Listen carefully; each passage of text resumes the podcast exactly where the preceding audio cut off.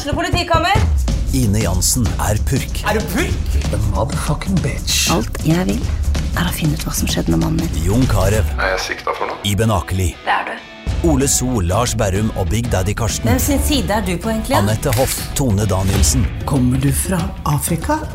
Jørnis Josef, Nesten. Kløfta. Trond Espen Seim, Det er synd å si det, men det var feil mann som døde. Purk. Premiere tirsdag på TV2 Play.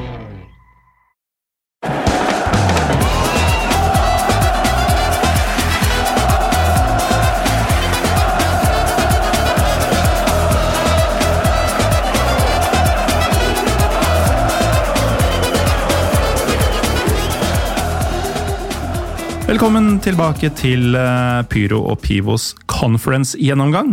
I går så slapp vi del én, hvor Petter Bø Tosterud, halla. Halla. Trym Hogner, halla. Hei, takk for at jeg ble invitert. Tilbake.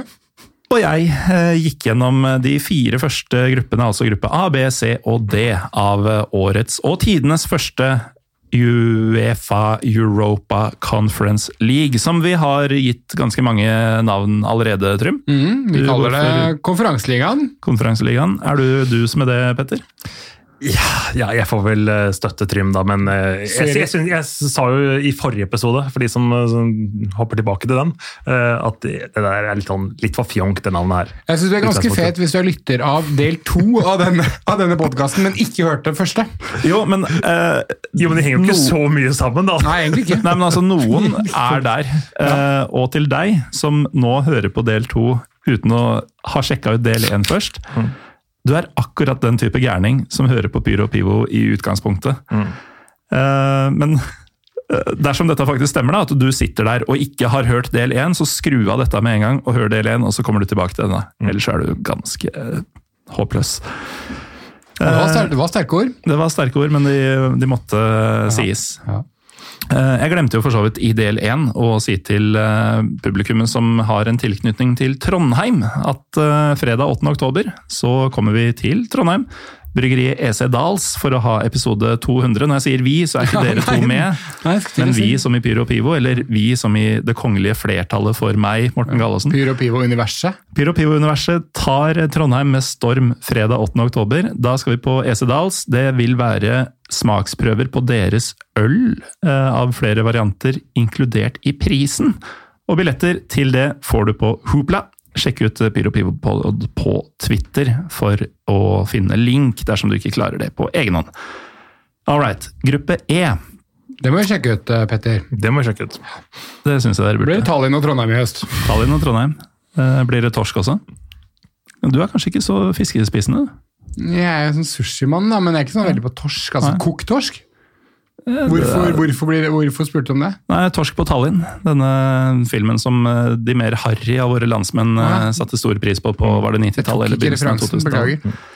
Eh, nei, det, kanskje vi bare skal sette i gang. Uh, gruppe E, som sagt, består av uh, Slavia Praha, Feyenoord, Union Berlin og Makabi Haifa. En av de mindre jalla gruppene, Petter? Ja, dette er jo lag som eh, altså med Slavia Praha, Feyenoord, Union Berlin og Makabi Haifa nordmenn i utgangspunktet har kjennskap til. Da. Altså det, dette er ikke noen eh, lagnavn de sier for første gang når man eh, går gjennom den eh, gruppa. og eh, det er en litt, litt kul gruppe. Eh, For min del så du hører jo Feyenoord veldig til eh, Europa League, da. Eh, Sånn sett, så jeg syns kanskje at de er de som passer minst inn i, eh, i Conference League-konseptet. Men vi kan vel starte med å si noen ord om eh, Slava Praha, kanskje? Det kan vi jo. Um, vi hadde jo et tsjekkisk lag i del én også, i Jablonets. Jeg skal komme med noen linker til dem faktisk litt etter hvert. Men vi snakka litt på kammerset uh, nå i pausen mellom del én og to, at de tsjekkiske lagene er ofte litt sånn litt sånn seige å, å finne noe særlig om. For det er, um, det er så mange altså Ingen i hele Norge ser jo tsjekkisk liga til hverdags. Så Nei. når du ser på spillertroppen og sånn, så er det så fremmed. Og øh, går du rundt på YouTube og ser på tribunekultur, så er det aldri Tsjekkia du søker til, osv. og så videre. Så det er jo litt sånn prisgitt at man kanskje har vært og sett litt fotball der, da. Så, Eh, så har vi ikke hatt så mange norske linker eller Per Egil Flo har jo spilt der, eh, selvfølgelig, men eh, selvfølgelig. Ja, men av de, av de lagene vi har snakket om tidligere, så er det sånn Fastav Slinn, som jeg har nevnt Mm. tidligere i disse Europaliga-podkastene vi har hatt, som jeg heller har blitt litt mer sånn fanget av grunnet historien deres med et veldig lite budsjett. Det var en Leicester, en slags sånn eventyrhistorie, mens dette er litt mer etablerte travere, da, som, eh, som blir da, hva skal jeg si, litt mindre spennende og litt vanskeligere å fordype seg eh, like mye i, eh, med tanke på at det ikke er så sensasjonelt at de er med. Ja, og så er det jo gjengangere både i Jablonets i del 1 og Slavia Praha i denne delen. Um, Trym, glad i Øst-Europa. Har, du, eh, har du vært i Praha? Nei, det er jo en av de byene um, sammen med Budapest som liksom er liksom høyest på lista over åpenbare steder jeg burde ha vært, men ikke har. Ja, du har ikke vært der heller, nei? Nei. Ja, det er to ganske gapende høl, altså. Det er, det er det det er, Morten Gallaasen. Eh, Så det er jo to steder jeg tenker at vi tre kan dra sammen, da. Vi eh, dro jo fram noe rumensk eh, pærebrennevin, eller Palinka de Pere, i del 1. Den står fortsatt på bordet. I Tsjekkia så har de også denne typen pærebrennevin, men der heter det Hruskovica. Oi. Um, De har også Slivovica, som selvfølgelig alle som har vært i, um, på Balkan eh, vet hva er. Um, Petter, for du som kanskje ikke har vært noe særlig på Balkan. Tilsvarende, bare av plomme. Ja. Nei, men altså, Praha, fantastisk. Har du vært der, Petter? Nei, ikke bra. Jeg er den eneste av tre nordmenn som har vært i Praha. Og Har det noen gang skjedd før? At tre norske menn har samla seg i ett rom, og to av dem ikke har vært i Praha? Det tror jeg faktisk ikke. Nei. heldigvis har jeg vært der to ganger. Um, strålende by eh, på veldig mange måter. Veldig mye turister, men du kan unngå det verste eh, med ganske enkle triks, holdt jeg på å si, og da er det helt eh, nydelig. Altså, det er det er jo en grunn til at det er mye sånn Disney-greier som er basert på ting som fins i Praha. For den, det er ordentlig postkortby. Men jeg tenker jo, ja, Det er det åpenbare, men jeg tenker jo en fotballby også. Du har jo da selvfølgelig Sparta og Slavia som er de to åpenbare, men så har du Bohemia og Dukla også. Um, alle som er opptatt av fotballdrakter og fotballkultur, er veldig kjent med dette med disse uh, Alt jeg ønsker meg til jul, er en uh, Dukla Praha bortedrakt. um, så jeg er veldig veldig keen på Praha. Gleder meg til vi skal dit uh, sammen. Ja, men det, det tror jeg blir veldig bra. Um, Radek Drolek, som skåra det um, ulykksalige offside-målet mot Norge i uh, EM-kvaliken høsten 95 i Praha, han uh, spilte for Dukla for øvrig. På den tida. Uh, men nå er det jo Slavia vi prater om. er det. Uh, er det egentlig det, Morten? Er det det? det er det vi skal prate Ja. om. Um, en av de uh, selvfølgelig største klubbene i uh, tsjekkisk fotball, også i tsjekkoslovakisk. Um, regner du med den tiden, så har de 20 ligagull. Uh, de har sju etter at Tsjekkia og Slovakia har delt seg opp. Um, av disse sju så har tre av dem kommet på rappen nå. Som da også er med på å forklare hvorfor de har vært med i Europaligaen tre av de fire siste sesongene. Og den sesongen av de fire de ikke var i Europaligaen, så var de i Champions League. Så dette er jo et lag som virkelig har, har vunnet seila uh, de siste årene.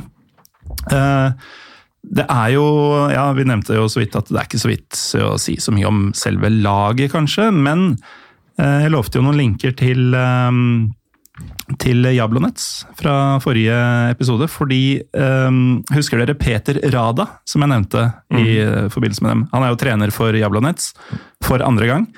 Han har også trent Slavia Praha to ganger. Nå trener han jo ikke Slavia Praha, for det er det Jindřich uh, Trpisjovskij som gjør. Uh, og Hvilken klubb tror dere han hadde før han tok over Slavia i 2017? Bodø-Glimt, tipper jeg da. Ja. Nå ville mange trodd at det var Jablonets, men det var det ikke. Det var Å, helt irrelevant. Å, okay. uh, jeg prøvde å lure dere. Ja, og så ga jeg deg et flossesvar, og så på en måte ødela litt. Ja. Ja. Beklager. Fordi nå skulle jo en av dere si Jablonets, og det skulle være feil. Jeg trodde du skulle komme inn på Thomas Rada etter hvert, ja, sånn at han kanskje hadde vært broren til, men ja. Ja. Nei, Eller er. Karel Rada, han kjempestore midtstopperen, Ja. eh, som vel spilte på tidlig 2000-tall. Eller Rada, som vi var på date med i Beograd, da du ødela hele kvelden for oss alle. ja. En historie du forteller hver gang du får muligheten. Ja, faktisk. Nå skal du ikke få muligheten. Nei, greit Um, nok. Det er, jo, um, det er jo et lag her som uh, har uh, veldig mange navn som uh, man ble kjent med i sommerens EM. Um, og også en av dine gutter, Trym, i Nicolay Stancho. Litt sånn han som aldri ble. Ja, men som har vært en stor profil for dem en god stund. Eh, Åh, nei. eh, jeg hørte dere var inne på Haji, som riktignok bare er altså Jannis, som bare er 22, da, men det føles som at det er litt sånn, er litt sånn storyen for Romania mm, de siste årene. Du har spennende spillere som alle tror skal bli knallbra når de er 2021, 22, 23. og så ja, blir det kanskje ikke helt der, da. Men det har vært en viktig mann for dem, og helt sikkert en spiller som, eh, som kommer til å være bra i det mesterskapet her, da. Um, ellers så syns jeg noe av det kuleste med dette laget er det estetiske. Ja, Eh, men det er riktig. For hvis man ser på logoen til eh, Slavia Praha, så er jo det også egentlig sånn drakta ser ut. Altså Den er delt akkurat på midten, det er ikke noe juggel. Det er en rød side og en hvit side. Eh, og så har du da ingenting annet på brystet enn denne stjerna som til alt overmål peker nedover. Eh, og i eh, ja, litt sånn sataniske miljøer, da, så er jo det et vesentlig miljø. Altså Tegner du pentagram, og det peker oppover, så er jo det i retning himmelen. Ja. Men nedover så er det jo mot helvete. Ja. Og nå skal ikke jeg sitte her og si at Slavia Praha er eh, styrt på avstand av Varg Vikernes. Men du sitter ikke og sier at det ikke er det heller? Nettopp. Eh, Spenstig. Og da Dette var en god fotballfaglig analyse. La oss gå videre til Feinor. Jeg syns vi skal det. Ja, jeg syns, jeg syns faktisk det. Og det, Du var jo inne på det, Petter. Du kan kanskje starte oss på Feinor. Uh, the odd man out, på en måte, i denne gruppa, i, i den grad noen er det.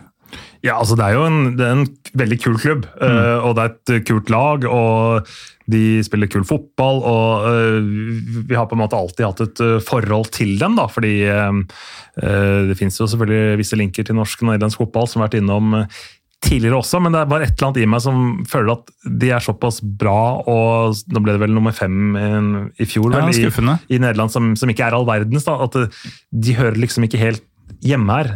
Nå skal jeg ikke dra den helt eh, like langt som eh, Tottenham og, og, og, Roma, men det føles litt sånn eh, likevel. Ja, for det er jo et lag som mange av oss har sett i Champions League opp Mm. igjennom. Um, vi nevnte i forrige episode at de hadde spilt mot Rosenborg i sin tid. Det gjorde de jo. De har møtt Manchester United i Champions League. Um, I det hele tatt lagd mye kvalm for store klubber, og for så vidt vært en bra force selv. Ja. Eh, og så har, jo, har jo fotballen blitt sånn at de kanskje med tiden har blitt mer et klassisk Europaligalag. Mm. Men, eh, men jeg er litt enig i det, det at de har kommet ned til conference, eller konferanseligaen, sorry, Trym. Eh, det er litt sånn upassende. Men så har du Markus Holmgren Pedersen og Fredrik Aursnes. og De er det jo gøy, morsomt å, å følge med på eh, der. og Spesielt eh, Holmgren Pedersen, eh, kanskje, i og med at han har gjort det såpass eh, ålreit i sine første landskamper også. også. Så skal det bli kult å se han eh, mot eh, god europeisk motstand. Og han har vært klink fast eh, siden han kom dit, har han ikke det? Jo. Så, ja. mm. Men hvorfor nevner dere de to, ikke Orkon Køkcu f.eks.? Han er jo mye mer spennende. Ja, men han har ikke en sånn voldsomt sterk norsk link. da. Eh, Det er Morten Gardaasen som er linken. Ja. Ja, Det er ikke en sterk norsk link det er en eh, svak på, link, på noen måte. Altså. Um, de, um, vi vi snakka jo om disse i Europaligaen i uh, fjor. Uh, Da var jo Dick Advokat trener. Og det er jo alltid kult når en klubb har Dick Advokat som trener, men selv ikke det har de i år. Uh, han har bytta ut med Arne Slott, som seg hør og bør tar du femteplass i Eredivisie med Feyenoord, så skal du ikke beholde jobben. Men det er en sesong som kan følges på Disney, faktisk. I alle streamingtjenester så er det jo en egen sånn Feinord-serie som jeg akkurat har begynt på, som følger da fjorårssesongen med, med Dick Advokat og Gutta Krutt. da. Den ligger på Disney. Ja, ja, det var det jeg også syntes var litt sånn, var derfor det var litt verdt å nevne. Det er jo en uh, altså markedsføringsgenistrek for de sånn som meg, som ikke har barn, i motsetning til deg, Trym. Um, kunne, det kunne ikke falle meg inn å bli Disney-kunde. Uh, for jeg har inntrykk av at det er Disney-greier, uh, og det trenger jeg jo ikke. Men uh, hvis jeg kan se Dick Advokats fall på nært hold, Da blir det Disney. da kan det fort bli Disney-abonnement på meg også. Så. Ja, det ser du. Eh, fint, det. Um, Feinor er jo først og fremst en fotballklubb for øvrig. Men de har tatt noen grep som klubb eh, så seint som i 2017. Ok. Eh, da utvida de driften til eh, De har da begynt med flere idretter, blitt en såkalt multiidrettsklubb. eh, hvis ikke det er et ord jeg bare fant på nå. Eh, og da har de bl.a. begynt med basket og håndball. og futsal, Mm. i tillegg til fotballen. Men um, jeg tror ikke det er grunnen til at de bare ble nummer fem i fjor. Da. Uansett Med eh, mindre spillerne får lov til å drive med med på ulike Ikke bare får lov, de tvinges til det. Ja. Så Ok. sånn, ja. Um, men i hvert fall en meget sterk uh, kandidat til eh, gruppeseieren her. Um, som kanskje kan, men kanskje også ikke kan sies om eh, neste lag, som er gutta mine. Ja. Eh, Union Berlin er i et europeisk gruppespill, uh, folkens. Ja, hvordan uh, syns du eh, hvordan, hvordan føles det? Det er så surrealistisk. Um, jeg tenkte da de um, Altså, måten Union kom hit på, er jo surrealistisk i seg sjøl. Altså, det er jo en eh, Litt sånn som den, den kvelden på Åråsen som uh, Trym og jeg opplevde tidligere i år, da to trøndere senka Rosenborg og Lillestrøm vant over dem for første gang på 13 år. Litt sånn var siste serierunde i Bundesliga. For da eh, skulle Union Berlin, som jo er en sånn Eh, ja, det er en kultklubb. Eh, jeg skal ikke si at det er en venstreorientert klubb, eller noe sånt, men det er en utrolig sånn tradisjonsrik, eh, identitetssterk eh, kultklubb i Tyskland. Eh, eneste ordentlige representanten for Øst-Tyskland i Bundesliga.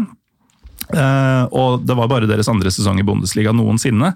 Hadde ligget og vaka i sånn Europaliga-land på tabellen nesten hele sesongen, med det nest laveste budsjettet i hele Bundesliga. Bare Bielefeld som kjempa i bånn, eh, og for så vidt klarte seg, hadde lavere.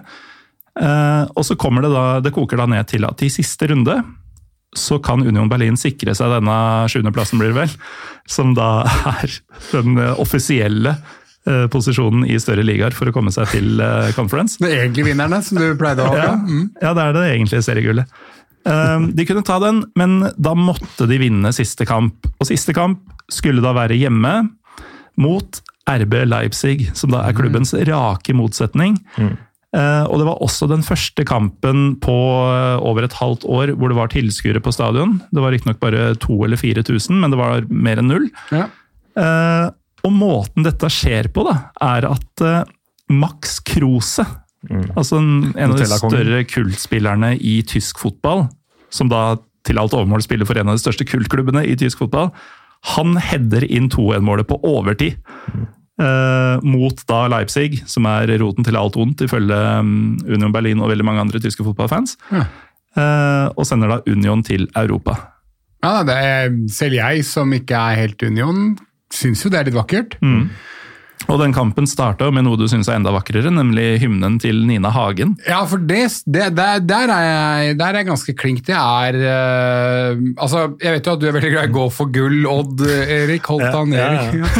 Eh, men men uh, Eisern Union-låta til Nina Hagen er en av de sterkeste klubbhymnene i hele fotballverden, faktisk. Det, det skal man ha for.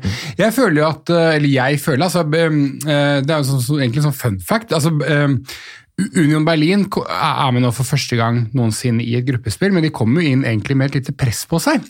Fordi at øhm, øh, Berlin er den eneste hovedstaden av de fem store hovedstedene som aldri har hatt et lag som har vunnet en europeisk turnering. Av de store fotballnasjonene? Ja, av de, fem, av de fem store, altså av Tyskland, Spania, Frankrike, England, Fem Italia. store ligaenes Ja, hovedsteder. Ja, ja. Mm. Det var kanskje en bedre måte å sitte på. på.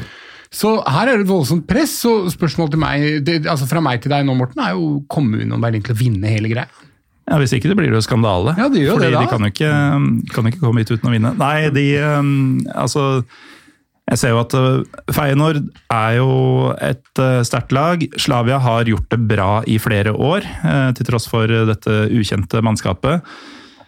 Makabi Haifa bør nok være um, sitte igjen med det korteste strået av alle fire her, men um, det er på ingen måte gitt at Union går videre herfra, tenker jeg.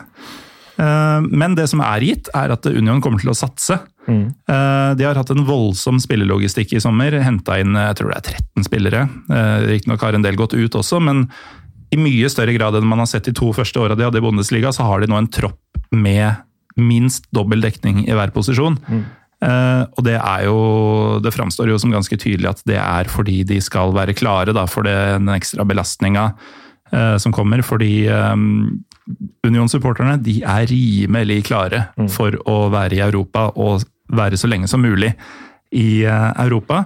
Dessverre på en måte så er jo stadionet i skauen ikke bra nok for eh, Uefa, ettersom bare ca. 4000 av de ca. 22 000 plassene er seter. Eh, Så de må spille på Olympiastadion, som jo igjen da ikke er så trist, fordi du kan til gjengjeld selge mange flere billetter dersom da ikke restriksjonene kommer i veien. Mm. Spilte der mot Kups i den ene kvalikkampen de måtte spille, og Olympiastadion så ikke ut som seg sjøl den dagen. Der var det mye drapert. Altså, De blå løpebanene var nå røde. Men, men for de som, altså Jeg har vært i Berlin, jeg har vært på Olympiastadion, men Berlin er jo en, en, eh, en veldig kul by, men med mange sånn ulike uh, sentrumer eller bydeler, eller hva man skal si. Hvor, er, vi, er liksom Olympiastadion til eh, stadion i skogen, er det langt fra hverandre? Snakker vi liksom en helt annen del av Fortell, altså. Jeg Det er veldig langt. Ja. altså um, Uten at jeg har eh, tallene foran meg, så vil jeg tro at det er en times tur med S-banen. Fra det Så ene til det nesten sånn som Soria Luhansk må forholde seg til. liksom. Ja, nesten. Ja, ja.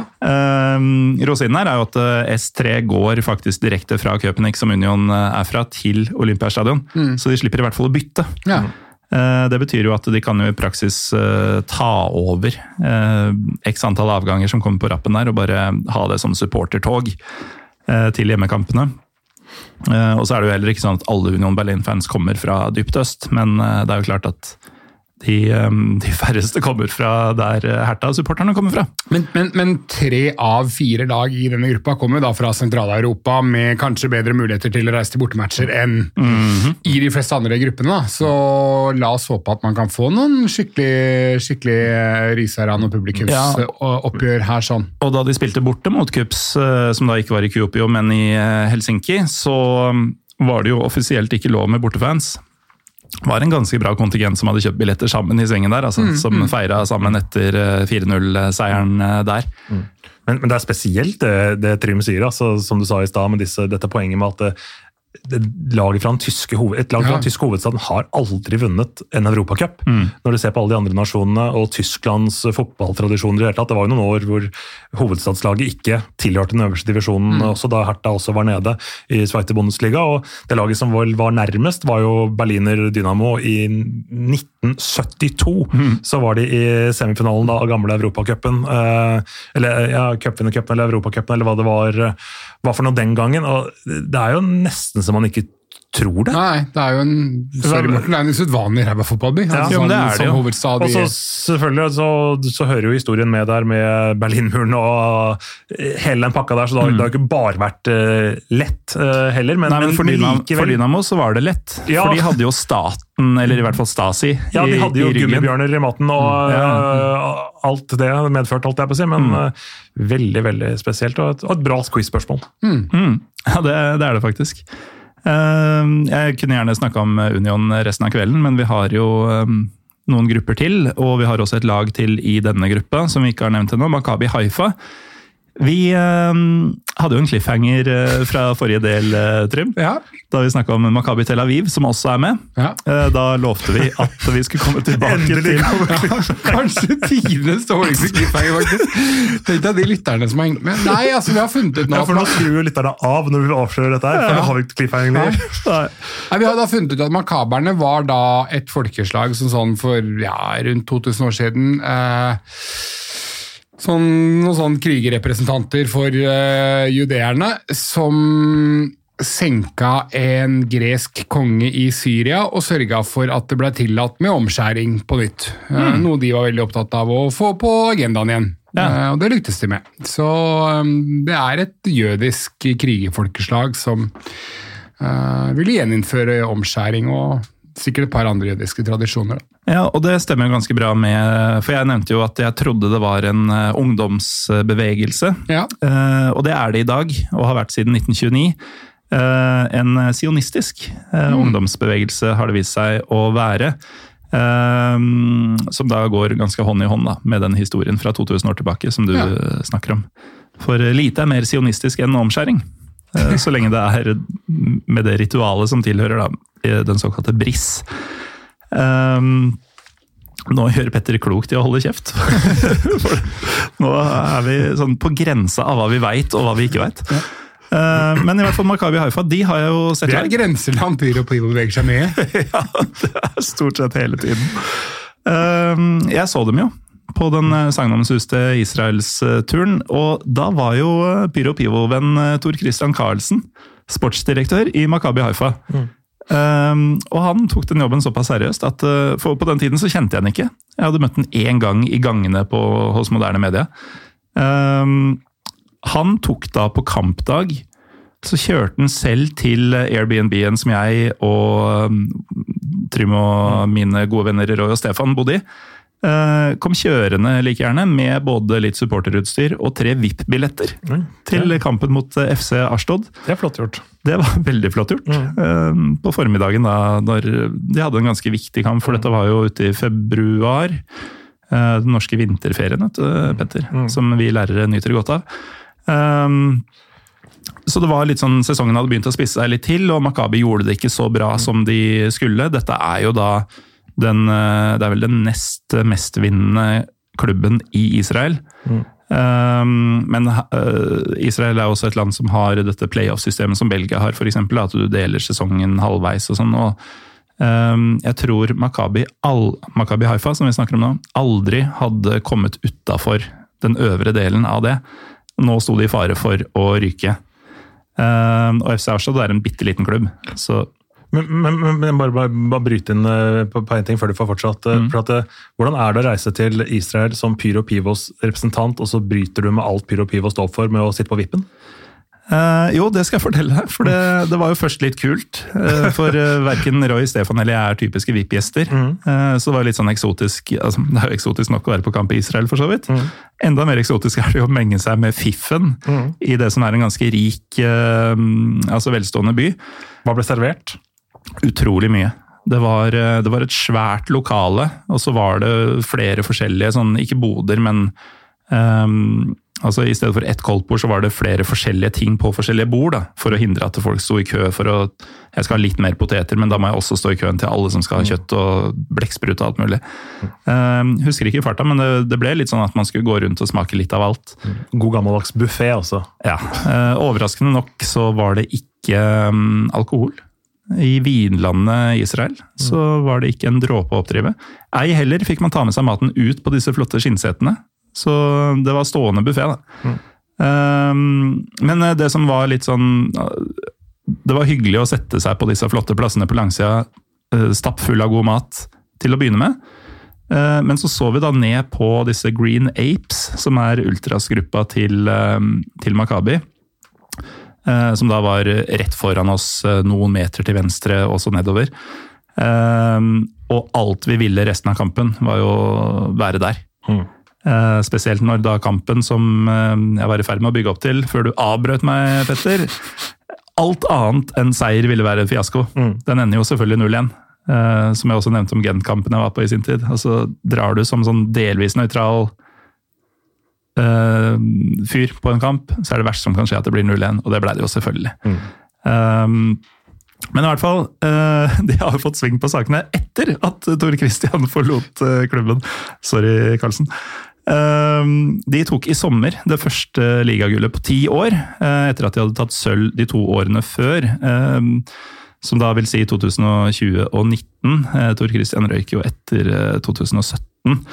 Um, og det, Da de tok dette ligagullet, så var det jo da det andre Makabi, nemlig Tel Aviv, som de slo. Eh, Og det tror jeg nok eh, gjorde det enda diggere, fordi Makabi Tel Aviv er en av de to store rivalene Makabi Haifa har. Hapoel Haifa, byrivalen, er den andre. og Oppgjørene mellom disse makabiene eh, kalles intet mindre enn derbyet om Israel. Til tross for at de Altså, det er ikke langt mellom byene. Jeg tror toget tar en time, halvannen. Men det er jo ikke et byderby, og både Makabi Haifa og Makabi Tel Aviv har jo sterke Hapoel-konkurrenter i byene sine. Men ja, eh, nå, var det, nå holdt du tunga rett i munnen. jeg gjorde det. Ja. Eh, Jeg skal snart slutte. Eh, Men jeg kikka litt på det, fordi dette høres ut som et massivt derby.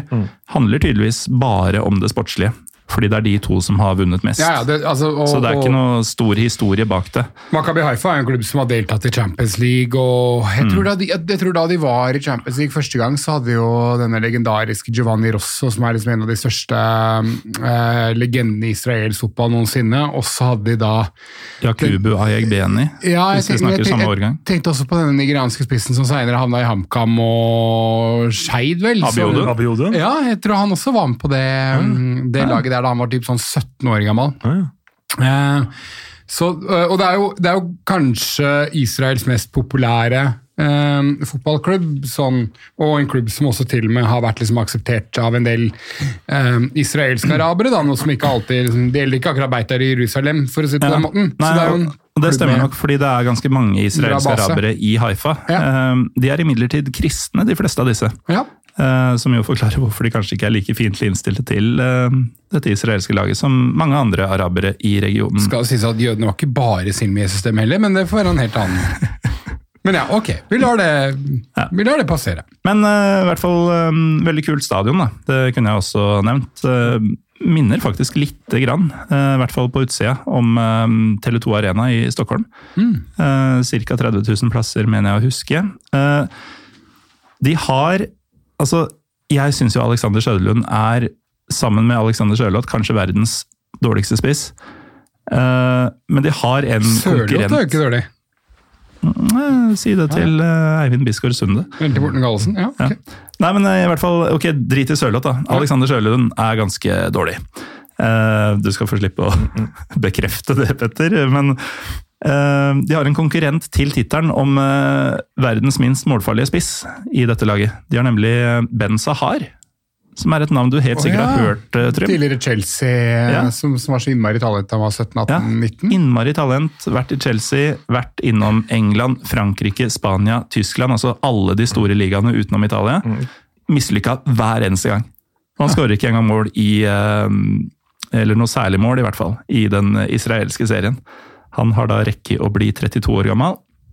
Men han var en viktig del av uh, Hapoel Bersheva-eventyret, en klubb som vi har nevnt eh, tidligere. Og nå har vi vel snakka i hjel israelsk fotball i så stor grad at vi går videre til gruppe F. Eh, som er veldig uh, pyro-pivo-vennlig, vil jeg si.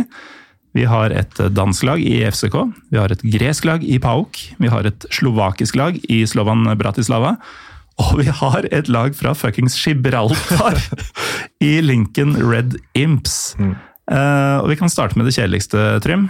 Uh, FCK.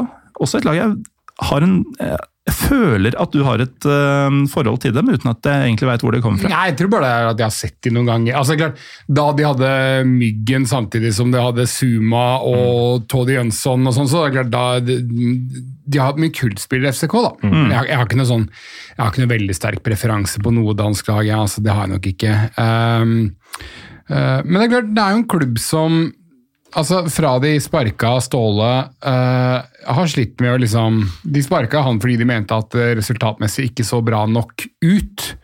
Det var i hvert fall det som ble uttalt den gangen. Og siden det så har de jo bl.a. tapt seriegullet til Brøndby, som ganske nylig lå med helt brukket rygg, økonomisk og sportslig. Eh, så det er jo en klubb som har ambisjoner langt over å være på nivå eh, treligaen i Europa, eh, og, og endte på tredjeplass i dansk liga i fjor. Ja.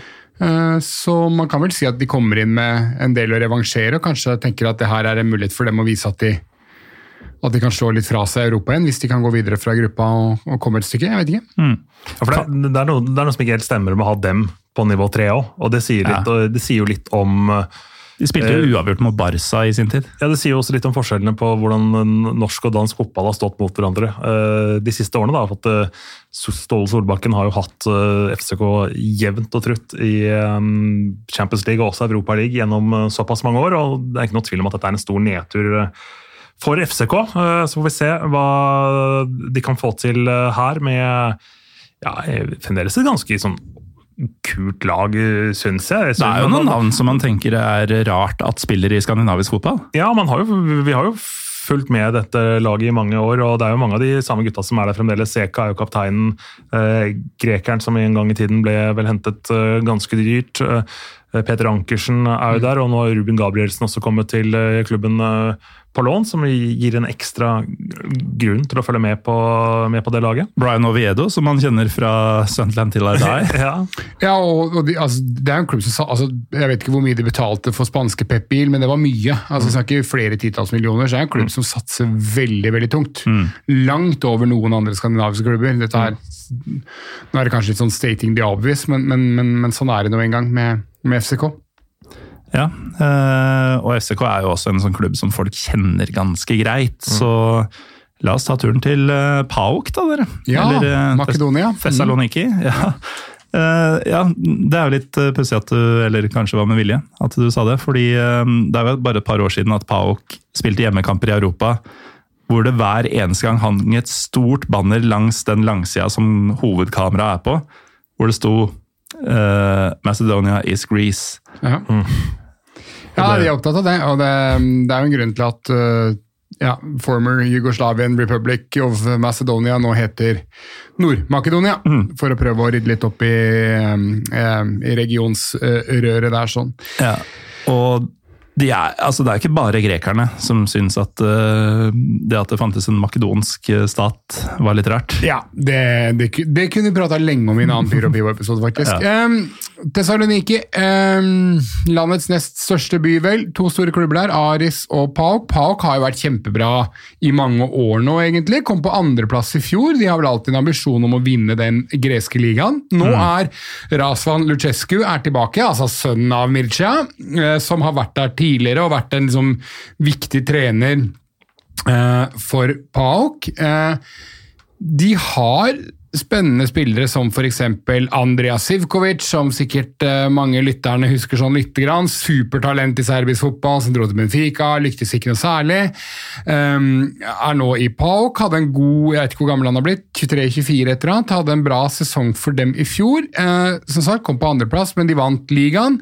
De har fortsatt Vieirinha, denne portugisiske landslagsspilleren som har vært uh, kaptein og Han har deres vært der i 15 år eller noe sånt. Ja, det rare er at jeg tror han har vært der i tre perioder, for han har hoppa litt inn og ut av noen forskjellige klubber. Eh, Men, men så har de også mista De har mista jo Christos Solis til Norwich, og det samme med Dimitros Gianoulis, eh, hvordan det nå uttales. Eh, Solis erstattes jo av Alexandro Mitriza. Eh, Han liker du. han liker jeg veldig godt. Liten driblefant fra Romania som har røra litt rundt i MLS og. Saudi-Arabia. Ja, ja da. En sånn liten sånn tekniker. Så på papiret har de jo et, uh, eh, et godt lag, og helt sikkert ambisjoner både her og, og hjemlig serie, så det blir eh, eh, Ja, men det er et bra lag, og så er det en, en del folk med litt å revansjere, kanskje, og i det hele tatt litt sånn kultpotensial hos flere. Altså Shinji Kagawa nevnte du vel ikke, tror jeg? Nei. Han er der. Og så må vi også nevne Sverrir eh, Ingi Ingasson, da, som eh, var i Viking i 2014 og 2015 og har blitt en viktig brikke av dette PAOK-laget. Det, er alltid- det finnes jo alltid en eller annen sånn eliteserielink til nesten alle lag i Conference League, har vi jo etter hvert merka. Ja, og det viser jo at eh, selv om man kanskje ikke tenker så mye over det, så er jo Eliteserien en ganske sånn god, selgende liga. da. Mm. Og så- og, og, og så har jo også disse eh, disse eh, PAOK-sangen har jo også selvfølgelig vært en gjenganger på norske tribuner gjennom mange, mange, mange mange, mange år. Den eh, Pao Cara? Ja. Mm. Ja, den er det mange som synger. Eh, og så nevner jeg jo dette hvert år, føler jeg, men eh, K-en i PAOK, eh, den står jo da for eh, Konstantinopolitanerne, eh, hvis det skulle vært et norsk ord. Det er jo AEK og PAOK som er stifta av eh, grekere som egentlig bodde i Istanbul, før uh, folkeutvekslinga som ja, eh, det finnes veldig delt meninger om hadde noe for seg eller ikke, etter at eh, Atatürk eh, tok kontrollen over eh, Tyrkia. Ehm, skal vi hoppe videre fra Pauk til eh, Slovan Bratislava, folkens? ja, la oss gjøre det. La oss gjøre det. Du hadde jo ikke vært i eh, Praha, Trym, men eh, Bratislava, der har du bitt godt fra deg. Nei.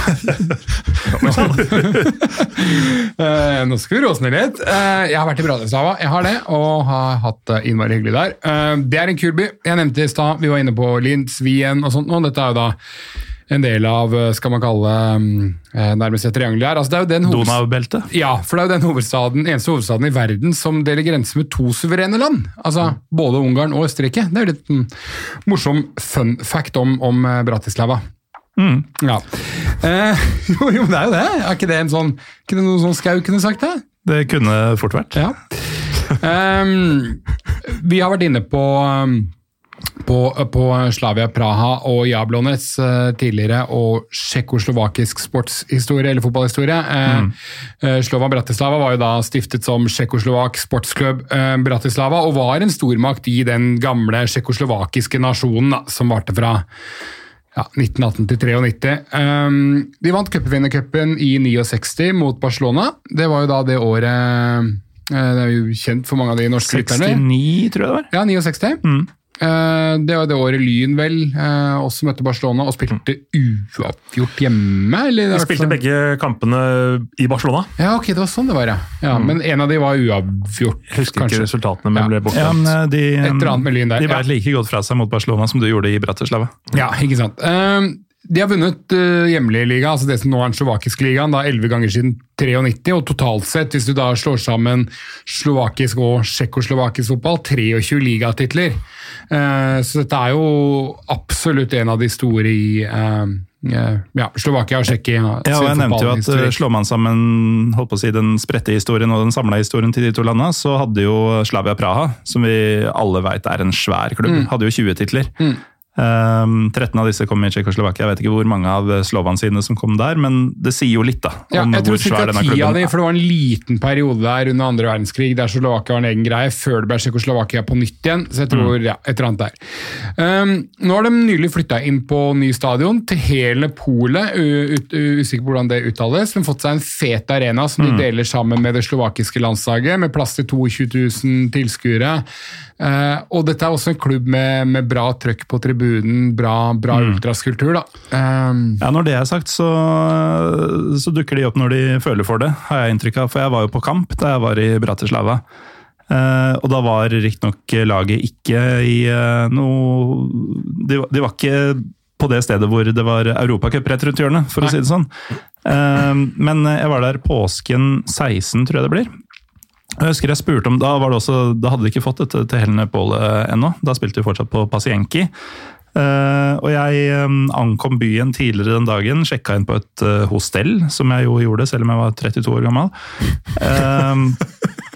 Og omtrent det første jeg gjorde, var jo å prøve å finne veien til Pasienki, da, fordi jeg visste at her var det en match å se mot Det likte du. Ja, det var gøy. Mot eh, Spartak Myava, tror jeg det var. Og de tre første folka jeg spurte, sånn er dette riktig trikk, og er det tar riktig retning og alt mulig sånn, eh, er dette veien til Eh, Så var alle de tre første var litt sånn herre Hva er det du prater om? Eh, Det er ikke hockey i dag. nei. Og da tenkte jeg sånn, ok, er det fordi har jeg blanda fotball og hockeystadionet, liksom? Eh, men nei da, det viste seg at de lå rett ved siden av hverandre. Jeg lurer på om begge het Pasenki også. Det var i hvert fall på samme plass. da. Eh, men det var bare sånn helt absurd for dem at det å se ligafotball i den tilstanden klubben var i i 2016, eh, og mot den motstanderen, som sikkert var eh, en nobody-klubb, jeg har i hvert fall aldri hørt om dem i eh, noen annen sammenheng enn den ene gangen. Skulle- Ja, ja. Eh, Så det var helt sånn her eh, det, det var åpenbart ikke en fotballfeber da, på den Nei. tida. Og da jeg kom på stadion, så skulle det virkelig åpenbare seg. Fordi eh, altså, jeg tror eh, både Petter og Trym at dere begge kan gjette hva resultatet skulle bli i den kampen. Jeg har vært eh, på et par kamper som som er nevnt eh, tidligere i disse episodene. Det ble selvfølgelig 0-1. Eh, og det, det kan ikke ha vært mer enn 1000 folk der, altså. Velkommen til å få deg på, Ja. på stadion. Det er fint å være bortefan. Ja, ja, ja. Eh, nei, men altså, det, det kan ikke ha vært mer enn 1000 folk Nei. der, tror jeg. Og, og det var ikke sånn at det var 1000 folk på én tribune og lagde litt støy heller. Det var sånn at ultrasene var kanskje 30 der borte, og så var vi 400 under taket på denne hovedtribunen hvor billetten kosta 8 euro eller noe sånt. Uh, og så var det noen i svingen som sikkert hadde kommet inn gratis. Uh, og det var bare så sykt tristesse, da. Eh, men jeg har også sett noen bilder fra det nye stadionet, og det er helt tydelig nye tider nå. Ja. I forhold til hva jeg opplevde. Det er et potensial, i hvert fall. Men det er klart, du, du nevner hockeyen der. Da. Det, er klart, det er jo Slovan Bratislava, det er jo samme altså Hockeyklubben heter vel det samme. og, og er vel litt sånn Latvia-aktig, at hockey nesten er større enn fotball i, i hvert fall en del av byene i uh, Slovakia. Til tross for at de jo har vært jævlig bra i fotball lenge nå. Ja, det var jo vesentlig, eh, vesentlig bedre i hockey enn i fotball i mange år. Helt til det bare plutselig begynte å kvalifisere seg for mesterskap i ny og ne. Uh, Som jo alle andre i Norge gjør, da, uh, når sant skal sies. Um, ja, mer om Slovan Bratislava er vel ikke vits i å si. Nei, men ikke annet at jeg anbefaler folk å reise til Bratislava. En Ja, kul- ja, men Det er faktisk ja. viktig poeng, fordi Ja. Mm. det er en by folk ikke tenker på å dra til. Og de som tenker på Bratislava som by, er jo, altså de, det er jo fordi de har hørt om den Jenten Hostel-filmene, som jeg da bodde på i byen, eh, eller eh, Eurotrip. Mm. Og i begge de filmene så framstilles det jo som et helveteshøl uten like. Mm. Men det er det definitivt ikke. nei, Altså. det det er en koselig by, og du kan fly både til Bratislava eller Wien, og halvtime, time etter annet fra Wien til altså flyplassen Wien til Ja, under en time. Ja, under en time til, til Bratislava. Så det, det er absolutt å anbefale. Kulinarisk fin liten greie også, med selvfølgelig en del sånn god krydra sprit og, og sånn typisk østeuropeisk kjøttmat. Da. Så kjør på. Bratislava er eh, absolutt, eh, absolutt noe som bør være på, på lista til, eh, Ja, til jeg ble, ble så inspirert nå at jeg skjenka meg en ny uh, Ja, og, det skal, og, og, det skal vi til, altså. At Morten tar seg en liten vond å be der. Ja, det det. Um, noen som ikke er vonde å be når de blir invitert til å spille europeisk gruppespill, det er altså, Hva sier man? Gibraltiske? Gibraltarske? Gibraltanske? Gibraltanske Lincoln Red Imps. Som um, de, de har vært et av disse mange laga som kanskje spesielt Pyro Pivo Twitter har eh, engasjert seg i eh, når liksom sommeren så vidt er i gang. Og så får du disse innledende grupp- eh, kvalikkampene hvor det bare er rør. Sånn klubber fra land du ikke visste fantes og sånn, som spiller. Så har du liksom FC Drita og sånn, som er kjempemorsomt eh, fra Kosovo. Og så har Lincoln Red Imps vært et av Du de visste laga. at Drita er faktisk ikke bare klubbnavn, men et jentenavn, ikke sant? nei, nei, jo, men det er det. Ja, nei, det, det finnes mye Jeg bare vet at veldig mange nordmenn synes det er så gøy med den klubben som heter Drita, men det er faktisk et pikenavn i Jeg tror ikke folk syns det er noe mindre morsomt når damer heter det enn fotballag Nei, det. Da er det enda artigere, i den grad det helt tatt var noe særlig morsomt. Nå er drita drita, ass. Ja, Eh, kjør på. jo, ok, men i hvert fall et av disse lagene da, som eh, folk har sånn Å, så søtt at disse skal prøve å komme seg til det og det sluttspillet, eh, har klart det. Eh, en annen ting som er ganske sjukt, er at altså, Gibraltar må vel være, uh, selv om de ikke viser mot Norge, må jo fort være det dårligste landslaget i Europa. Altså, De må være dårligere enn San Marino. Tror de er bedre enn San Marino, men de er vel omtrent Ja.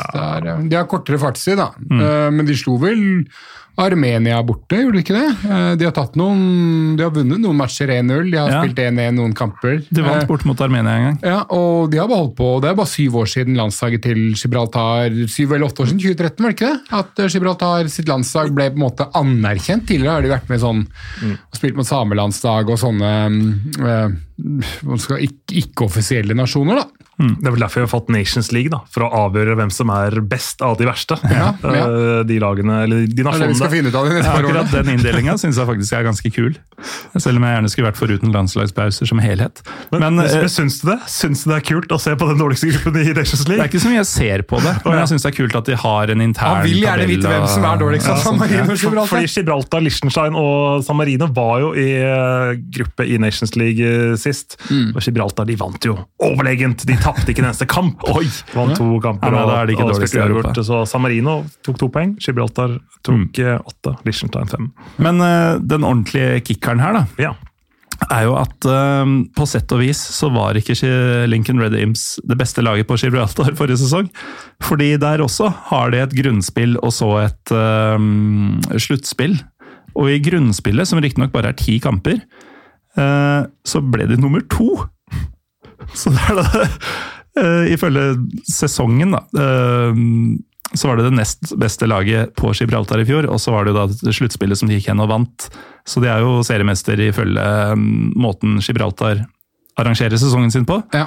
Men eh, det er altså ikke skrevet i stein at de i det hele tatt er best i landet. Og her skal de da måle Måle krefter, da, mot eh, Ja, og det er jo ironisk at det er laget som heter Europa, som vant, og som ikke går til Europa.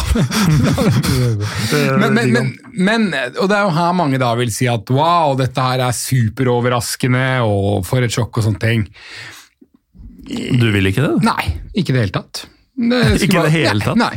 Naturligste Ja, tingene i at nå- Nå skal jeg være litt tver. Ja, men ja, det mener jeg. Fordi altså, øhm, Det kan godt være at de ikke vant grunnspillet, men de vant playoff. Altså, de, har, de, har, de har 25 ligatitler hjemme. De er desidert suverene øh, i den amatørligaen øh, på Gibraltar. Men øh, de har spilt 30 matcher i europaspill øhm, siden Gibraltar fikk lov til å ha med lag i øh, altså Uefa-systemet. Eh, og av de matchene så har de vunnet åtte. Syv har vært uavgjort, og så har de 15 tap. Altså det vil si at Halvparten av matchene de har spilt, har ikke endt med tap. Det er ikke så gærent, det. De slo Celtic 1-0 så seint som i 2016. De spilte jevnt mot Cluj. Eh, og de spilte eh, jevnt mot Slovan eh, Bratislava, som de faktisk nå skal møte igjen. da. Eh, Ni av landslagsspillerne i, i den troppen som Norge møtte forleden dag og slapp inn et mål mot, spiller i Lincoln Red Imps. Og da har du enda et par-tre spillere som ikke var med i den troppen, men som har vært med dette Gibralt... Hva ble vi enige om? Gibraltanske? Gibraltinske Nei, Ja, ikke sant? Så, som er vant til å spille landskamper for Gibraltar. da. Så du har egentlig en haug med spillere som har vært ganske mye ute og spilt kvalikkamper i Europa, og som har spilt for landslaget. Eh, Så jeg, jeg, er ikke, jeg er ikke så kjempeoverraska over at de da til slutt, etter å ha blitt knocka ut av uh, høyere kvalik, så møtte de Fola Esch fra Luxembourg. Det var ikke noe overraskende at de slo dem. Ergo er det egentlig ikke så veldig overraskende at det laget her er med, faktisk. Men det går jo på hvem de har møtt, da. ja. Eh, Jo, jo, jo, ja da. Selvfølgelig, de, de, de har jo ikke nei da, jeg, jeg sier ikke Ja. at de hadde slått ut Barcelona på Nei. veien, eh, eller et annet lag som er kjempegodt til å spille fotball. Eh, men, For, for, men for jeg var på Marienlyst og kommenterte Norge U21 mot Gibraltar U21, og satt og nesten og lo når jeg så på oppvarminga på de Gibraltar U21-gutta. Det Jeg kunne tatt på meg skoa sjæl, liksom, og, og bidratt der i hvert fall en omgang. Eh, For det er, det er tynt, eh, dette Gibraltar-laget, syns, syns i hvert fall jeg. Og eh, de, det er jo en svak liga. De, hadde, de har denne rekorden som, som um, gikk på at de hadde 88 kamper, altså fire sesonger uten tap. Da, fra 2019 til 2014 så har jo ting blitt mer profesjonalisert siden den, siden den gang. Masse spanjoler i ligaen og diverse ja, en annen portugiser. ja, ja. naturlig link der, og noe fra Kapp Verde og, og, og, og diverse. Men eh, hvis de her går videre fra Europaligaen med en gruppe med FCK og, og Pauk bl.a. blant annet, da Infantino og hva dere enn eh, Sefrin og hva dere heter, da er det ikke liv laga for den turneringa her. da, Altså. da kommer det Conference League 2. Men jeg, jeg skal innrømme at øhm, jeg er ikke sånn superbevandra innafor dette, men jeg jeg reagerer eh, litt på at det er såpass mange spanjoler i troppen. Fordi jeg har hatt inntrykk av at eh, det, er, det er ikke noe sånn spesielt eh, godt karrieremove for en spanjol å, å dra til Gibraltar og anerkjenne Gibraltar. Jeg tror egentlig ikke, jeg tror det er, altså det er bitte litt betent blant mange spanjoler at, eh, at Gibraltar altså De mener at det skulle vært en del av Spania, men jeg tror det er veldig vanlig med Jeg tror veldig mange av disse her er fremmedarbeidere som kommer og jobber i type servicenæring eller annet, og så er de ok fotballspillere, og så er de deltidere i Ja. ulike klubber i Eliteserien på, eh, på Gibraltar. da. Og så kan du få noen tusenlapper i måneden Ja. her, kontra at du ikke får det på nivå fem i Spania. da. Ja, nettopp. Ja, Jeg, jeg tenkte mer på at uh, Spania vil vel egentlig at Gibraltar skal være en del av Spania. jo, jo jeg skjønte jo Ja, det som utgangspunkt, men jeg tror Ja. fortsatt det bor mange uh, spanjoler som, som jobber der. Så jeg tror ikke det er jeg tror ikke, Så det er vanlig, da. Ja, altså, Fotballspillere generelt leser ikke Grunnloven før de bytter eh, klubb eller land. da. Nei. nei. Nei. Det er, vel Altså, ikke kanskje- det, det er vel ikke det de er mest kjent for. Nei, kanskje er det ikke så rart. Nei. Eh, men i hvert fall eh, gruppe F, så har vi jo da disse lagene. Um, Men Kan jeg bare få lov til å skyte inn at jeg tror at de kommer til å ta poeng i gruppa? det tror jeg også.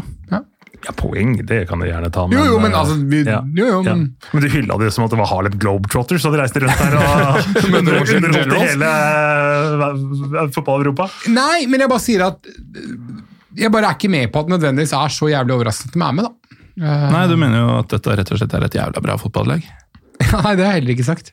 Det er sånn jeg leste. Ja, da Men, men dette er jo drømmen til Uefa. Dette er jo dette de har designet det for. At alle skal få være med, alle skal stemme og være positive til eh, Uefa. Det er jo derfor vi aldri vil få eh, færre lag i Eliteserien heller. Siden eh, nå har vi 16 lag der. Og de som er med og bestemmer på om det skal kuttes ned antall lag, er jo lagene som er der oppe også. Så mm, så man, man gjør jo alle glade og fornøyde til en viss grad da, med å ha med disse lagene. Ehm, hvis vi går videre til gruppe G, så har vi en av de mindre tiltalende gruppene når vi først skal være ordentlig sånn konferanseligafolk. Dette føles som en ti år gammel europaligagruppe, gjør det ikke det? Det gjør det. Ja. Det er nettopp det det gjør. Um, 15, kanskje? Altså Mourinho-ånden i denne turneringa er jo ganske sterk, i og med at hans eh, nåværende og forrige arbeidsgiver eh, er med. Eh, Tottenham er nemlig i gruppe G, sammen med Stad René, Vitesse og Mora. Åh, den traff du bra med. Det er ikke alltid like lett å vinkle mot mikrofonen for å få den beste boksåpnerlyden, eh, Trym, men den, eh, den funka. Altså, Tottenham Det var egentlig min måte å melde meg ut på, for på, på den gruppa her så er jo ikke jeg um, Ja, ja. Ja, nei, det er jo altså De, de var jo også i Europaligaen i fjor, som så mange andre lag i uh, turneringa. Ramla ned. Og jeg tenker jo at Tottenham er ikke så jævlig lenge siden de drev og lekte på San Siro med Gareth Bale, eller det er jo sikkert ti år siden nå, men mm. det føles ikke så lenge siden. Eh, og jeg tenker at Europa League... ti år er så ufattelig kort når man har havna i midten av 30-åra. Ja. Det er det, Ja. ja, altså, For ti år siden så hadde jeg fortsatt ikke hår på huet. Nei. Og det Ja, det, det, er, det er jo lenge siden. Det er Um, men øh, jo, Europaligaen. Mm. Øh, det må ha vært en nedtur i seg sjøl for Tottenham. Altså, de har jo fortsatt Harry Kane og tror jo fortsatt at de er en ja, medaljekandidat, kanskje til og med innimellom gullkandidat i Premier League. Og nå er de, på, nå er de i konferanseligaen, Petter.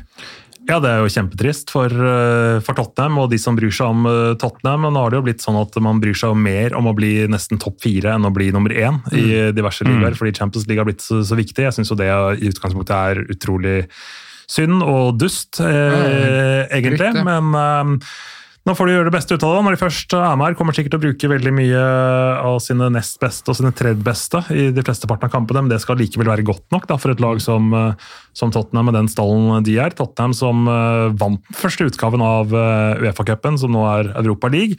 Og kan jo også da bli det første laget som vinner den nye eh, Europacupen eh, her. Det bør jo være en målsetning, men igjen, hvor mye legger de i dette her? Ja, Eh, Det tror jeg er vesentlig her, altså, fordi de skal ikke slippe seg veldig mye ned for at eh, både Renn og eh, kan, eh, kan kåle det til for dem. Samtidig så er det nesten en fordel med sånn og dette, dette her er jo type, Hvis, hvis Arsenal etter hvert kommer tilbake til europaspill, så tenker jeg at det her er jo turneringa.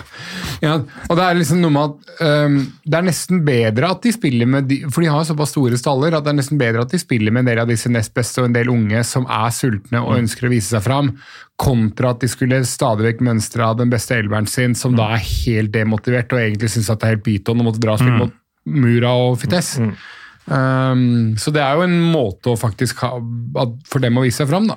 Ja, og det mm, Akkurat Arsenal er jo et godt eksempel der, fordi det de drev med i ligacupen i alle de Wenger-åra, hvor de bare mønstra en elver med folk som man ikke hadde hørt om før det, som spilte akkurat sånn som A-laget gjorde. Ja. Uh, Det var tider. Ja, For, det er ikke, eh, ikke Arsenal like godt innarbeida i spillstilen sin nå lenger, men ja. Nei. Uh, Men akkurat Tottenham veit folk nok om, Uh, så vi går videre til eh, renn. Men se opp for Harry Kane, altså. En god spiller på På sitt beste. Ja, Når han har dagen, så kan han skåre mål. Man skal ikke se bort fra at han faktisk kommer til å spille en del. For Han er sånn type som har lyst til å spille alt, og han kan jo også sette rekord for Tottenham med flest europacupmål. og Det er jo en gyllen mulighet til å Ja, hvem er det som har den fra før, Skåre en sju-åtte mål. Åh, nå husker jeg ikke i farten hvem eh, Anderton? Uh, det er det ikke, det er Anderton. Men, uh, men han kan det. Jimmy Ja. Greaves. Steffen Iversen. Ja. Uh, samme Stad kan det Renn. være. Ja, eller Altså, Renn er jo navnet på byen. Mm. Klubben heter Stad René, Oh, ja. eh, fordi det er Renais. Oh, ja. Oppkalt Jeg vet, etter altså, det, Hallo, hallo. Hvordan s-er og sånn uttales i enden av franske navn, det Nei, det, mm, det Det vil altså, jeg ikke vite. Jeg kan uttale akkurat disse to tinga på bakgrunn av at jeg hadde fransk på videregående, Mm. men jeg kan ikke forklare hvorfor det er sånn. Eh, og det kunne heller ikke fransklærerne mine, for å si det pent. Uh, det var ikke min beste karakter den gang. Uh, men de ble faktisk ikke nummer sju i ligaen. de tok sjetteplassen, de. Og renn som lag nummer seks i fransk liga, det høres veldig riktig ut, syns jeg. Ja, Det er sånn akkurat der de skal være. Um, det er jo en eh, Altså, de er jo fra Bretagne, som er en litt sånn spesiell del av Frankrike med en veldig særegen kultur. Eget språk til en viss grad, vel? Ja, jeg tror det. Um, og ja, veldig stolt folk, da. Altså, de er ikke Det er litt sånn der jeg er ikke fra Norge, fra Bergen-variant. Med den Eh, dialekta, ja. Mm. Ja, akkurat sånn sier de det. Uh, ja. Mm. Det er vel de og Brest og eh, Nant, tror jeg, som er fra det området som, som er av klubber og verdt å snakke om. Ja. Um, men eh, veldig spennende lag. altså Et av de største i området, og veldig sånn mønsterbrukaktig. Um, får fram mye talenter, blant annet da Eduardo Camavinga, som selv vi VAR-hatere som har prøvd å unngå um, fotball uten eh, tilskuere på TV og sånn, har hørt om eh, et av de heiteste salgsobjektene i europeisk fotball, vil jeg tro. Mm. Fikk nærmere 300 millioner for dem i sommer, og um, brukte noen av de pengene på Kamaldin Sulemana. Vi har snakka om et par danske lag. Eh, han kom jo fra Nordsjælland i sommer. Eh, for eh, det blir rapportert ca. 20 millioner euro.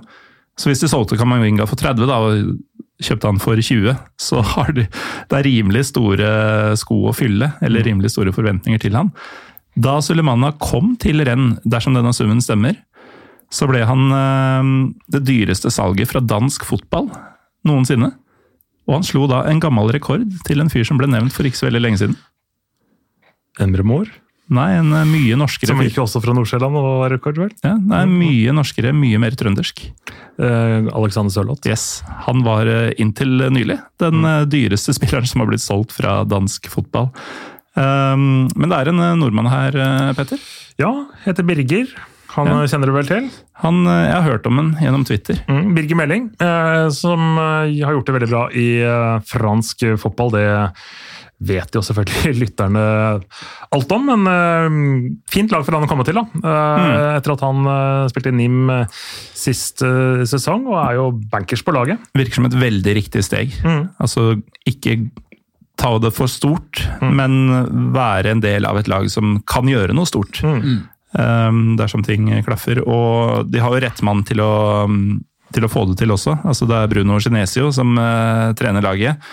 Altså, det er jo mister Lyon, egentlig. Han er født i byen, han jobba der i årevis. Altså, Lyon er jo den klubben i Frankrike, vil jeg tro, som har fått fram flest unge spillere opp igjennom. Og de har jo i tillegg hatt sportslig suksess samtidig som de har utvikla og solgt spillere. Så um, for både Renn som klubb nå og for Birger Meling så er det et spennende prosjekt som, uh, som er på gang her. Og um, jeg ser ikke bort fra at Renn tar den førsteplassen fra, fra Tottenham. Eh, fordi jeg tror ikke det kommer til å slå ut på den måten som eh, du skisserte, Trym. At eh, eh, altså disse fringe players fra Tottenham kommer til å gripe denne sjansen med begge hender. Nei, det, er godt mulig, men altså, du, altså, at, at Meling eh, eh, godt melder oss i, det, jeg er helt enig. og Det er jo en klubb som Jeg føler man nesten glemmer hvor mange bra spillere den klubben her har hatt opp gjennom åra. Altså, du har Mikael Silvestre, du har Musasov, som vel er en av dine store favoritter, Morten. Ja, ja. Kim Kjellstrøm, Asamoah Gyan, uh, Peter Sjekk var der. Um, Osmane Dembélé, Osmane Dabou, eh, min favoritt Sylvian Wiltord. Altså, det er en klubb som alltid har fått fram veldig veldig gode Ja, fotballspillere. nå har nå det har sikkert- spredt over flere tiår også. ja, og nå har nevnt nå har jeg sikkert glemt ti spillere som jeg burde ha nevnt som er enda, mer, som er enda bedre. Da. Men det, er, det er en klubb som alltid produserer og utvikler veldig gode spillere. Da. Ja. Um, så selv om det kanskje ikke er en klubb som vi i Norge tenker på som en av de store, store franske klubbene, så er det åpenbart at de gjør sinnssykt mye riktig. Um, så jeg, jeg gleder meg litt til å følge den, den gruppa her uh, på grunn av dem. Da. Ja, og jeg har det litt sånn at jeg ser, ja, Nå er det jo ingen som har rettighetene til fransk fotball, da. men uh, altså, de har vært på um, Via-plattformen alltid. Og hver gang jeg havner i disse situasjonene, og man begynner å snakke om franske klubber og på en måte gjøre dem til noe mer enn bare et navn på en tabell, så er jeg alltid litt sånn her åh, jeg må se mer av fotballen fra Frankrike, og jeg må se mer av denne klubben. Mm. og så blir det aldri noe av. Nei. Eh, men det er jo um, altså, det er et kult fotballand. Men når er det Pyro Pivo kjøper rettighetene til fransk fotball og ansetter Petter Bø som eh, kommentator? Er det eh, du må faktisk Med litt sånn fikensponsor an, så må det være mulig å få til noe greier der? Ja, det, det bør jo Det er rett rundt hjørnet, tror jeg. Men jeg eh, tror det. jeg må da hyre Paul Thomas Clay til å intervjue deg, Petter. For å, han er den som kan sjekke om du har eh, kunnskapen på plass. Ja. Eh, Men det tror jeg du nailer. Ja, Nederlandsk liga har jeg faktisk ikke kommentert. Nei, nå er jo for så vidt eh, Var det ikke fransk vi snakka om? Jo, vi var fortsatt i Frankrike. Vi skal jo ja, til Nederland. jeg tenkte på Nederland da jeg hørte på Paul Thomas Clay, faktisk. Og vi skal til Men det er ikke så rart, for det er dit vi skal. Og, og Paul Thomas er jo mister Nederland og mister eh, Frankrike blant norske kommentatorer.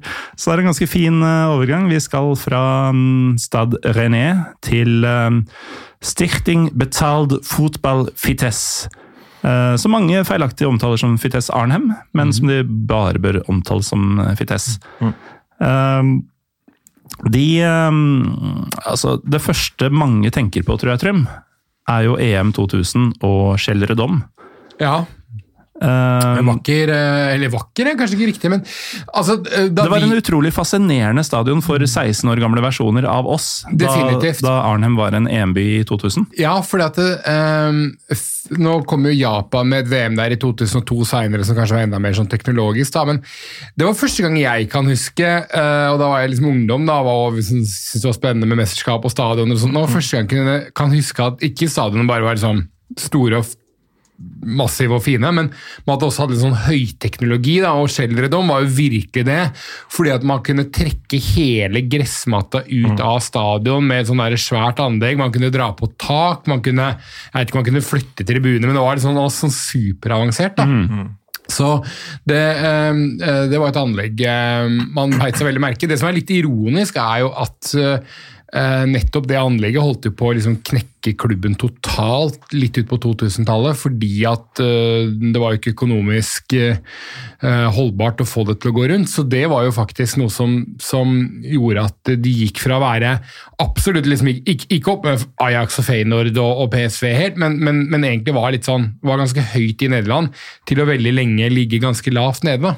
Eh, fordi at økonomien eh, eh, hang jo ikke sammen i det hele tatt. Så, sånn sett så er det gøy å se det har gått mange år da, gøy å se at de er tilbake i europeisk fotball. For det er en klubb jeg forbinder med en del bra spillere. altså... Ja, det har hatt utrolig mange bra spillere. Ja, igjen for å ta et sånn uh, uh, Fenerbahçe-spiss-eksempel, så var vel van Hooydonk var vel i Fites, var det ikke det? Han var i Fites. Ja. Um, Faen, det er fet type, eller? Ja, utrolig fet type. Ja. Eh, men de har jo også hatt flere andre ganske ikoniske spisser, da. eh, Om enn på litt forskjellige måter. Men Roy Mackay, altså målmaskin i eh, både tysk og spansk fotball, hvis jeg husker riktig. Nikos Maklas, Ja. som En av de kuleste videoene på YouTube er hvis man søker i Greek fans burn Oaka, OAKA, så tror jeg det er Nikos Maklas som header inn et mål mot Russland i kvaliken til 94-VM eh, i Aten. da. Eh, og jeg tror det er lenge igjen av kampen, og sånn, det er bare 1-0-målet. Men det tar så utrolig fyr. Altså, hele stadion brenner. Det, det føles så gresk å ta av lenge før det er avgjort. Men jeg tror, Ja, uh, uten at jeg kjenner hele historien her, så tipper jeg at det var litt sånn hvis vi vinner denne kampen, så går vi til VM. Og det vil jo da være deres første mesterskap noensinne. Så jeg tror det var litt sånn prematur eh, variant der. Nydelig Fittes-digresjon der. Men, men det var vel på den stadion der eh, du snakket om EM. Uh, Norge spilte, og Nils Johan Semb slo i, i gresset. og vi, for vi klarte jo ikke å vi, vi, vi slo ikke Venia, holdt jeg på å si. det ble vel 0-0 eh, den gangen. Så vi har jo vonde norske minner også, da, fra den um, arenaen. Ja. Eh, nå har vi jo Sondre Tronstad der også. Ja, og har jo hatt Martin Ødegaard, så det har vært noen positive minner for nordmenn. Husker jeg feil? Var ikke Markus Pedersen Jo, Det var kan godt være, det, det var det også, ja. Ja. Så man skjønner jo litt hvorfor de har brukt så lang tid på å komme tilbake til, eh, til Europa, da. Ja, det har vært en, det har vært en reise. Det har vært. Men det er jo altså Wilfred Boni, uh, Ismail Aysati, altså de har hatt masse. Mm. eh, Nemanja Ja, var jo helt vill der. Mamadou Skåret Diarra, altså tidligere Ja. Ja, av Madrid. litt mer um, å si, nå, nå-relevante spillere, så har du jo Robin Gaasens og Mason Mount, Mm. eh, som begge gjorde seg ganske sterkt uh, bemerka i EM som var. Um, så det er jo en klubb som alltid har tiltrukket seg gode spillere. Ikke alltid fått til å funke. Det er vel faktisk det at de ble nummer fire i fjor, er omtrent nær makspotensialet. Ja. Eh, For du og jeg, Trym, eh, jeg veit faktisk ikke hvor gammel du er, Petter. Men jeg har bare antatt at du er et par år yngre enn oss. Vi 22 år yngre. 22, 22 år gammel eller 22 år yngre. Begge deler er uh, mulig. Eh, vi vokste opp med Eurogoals.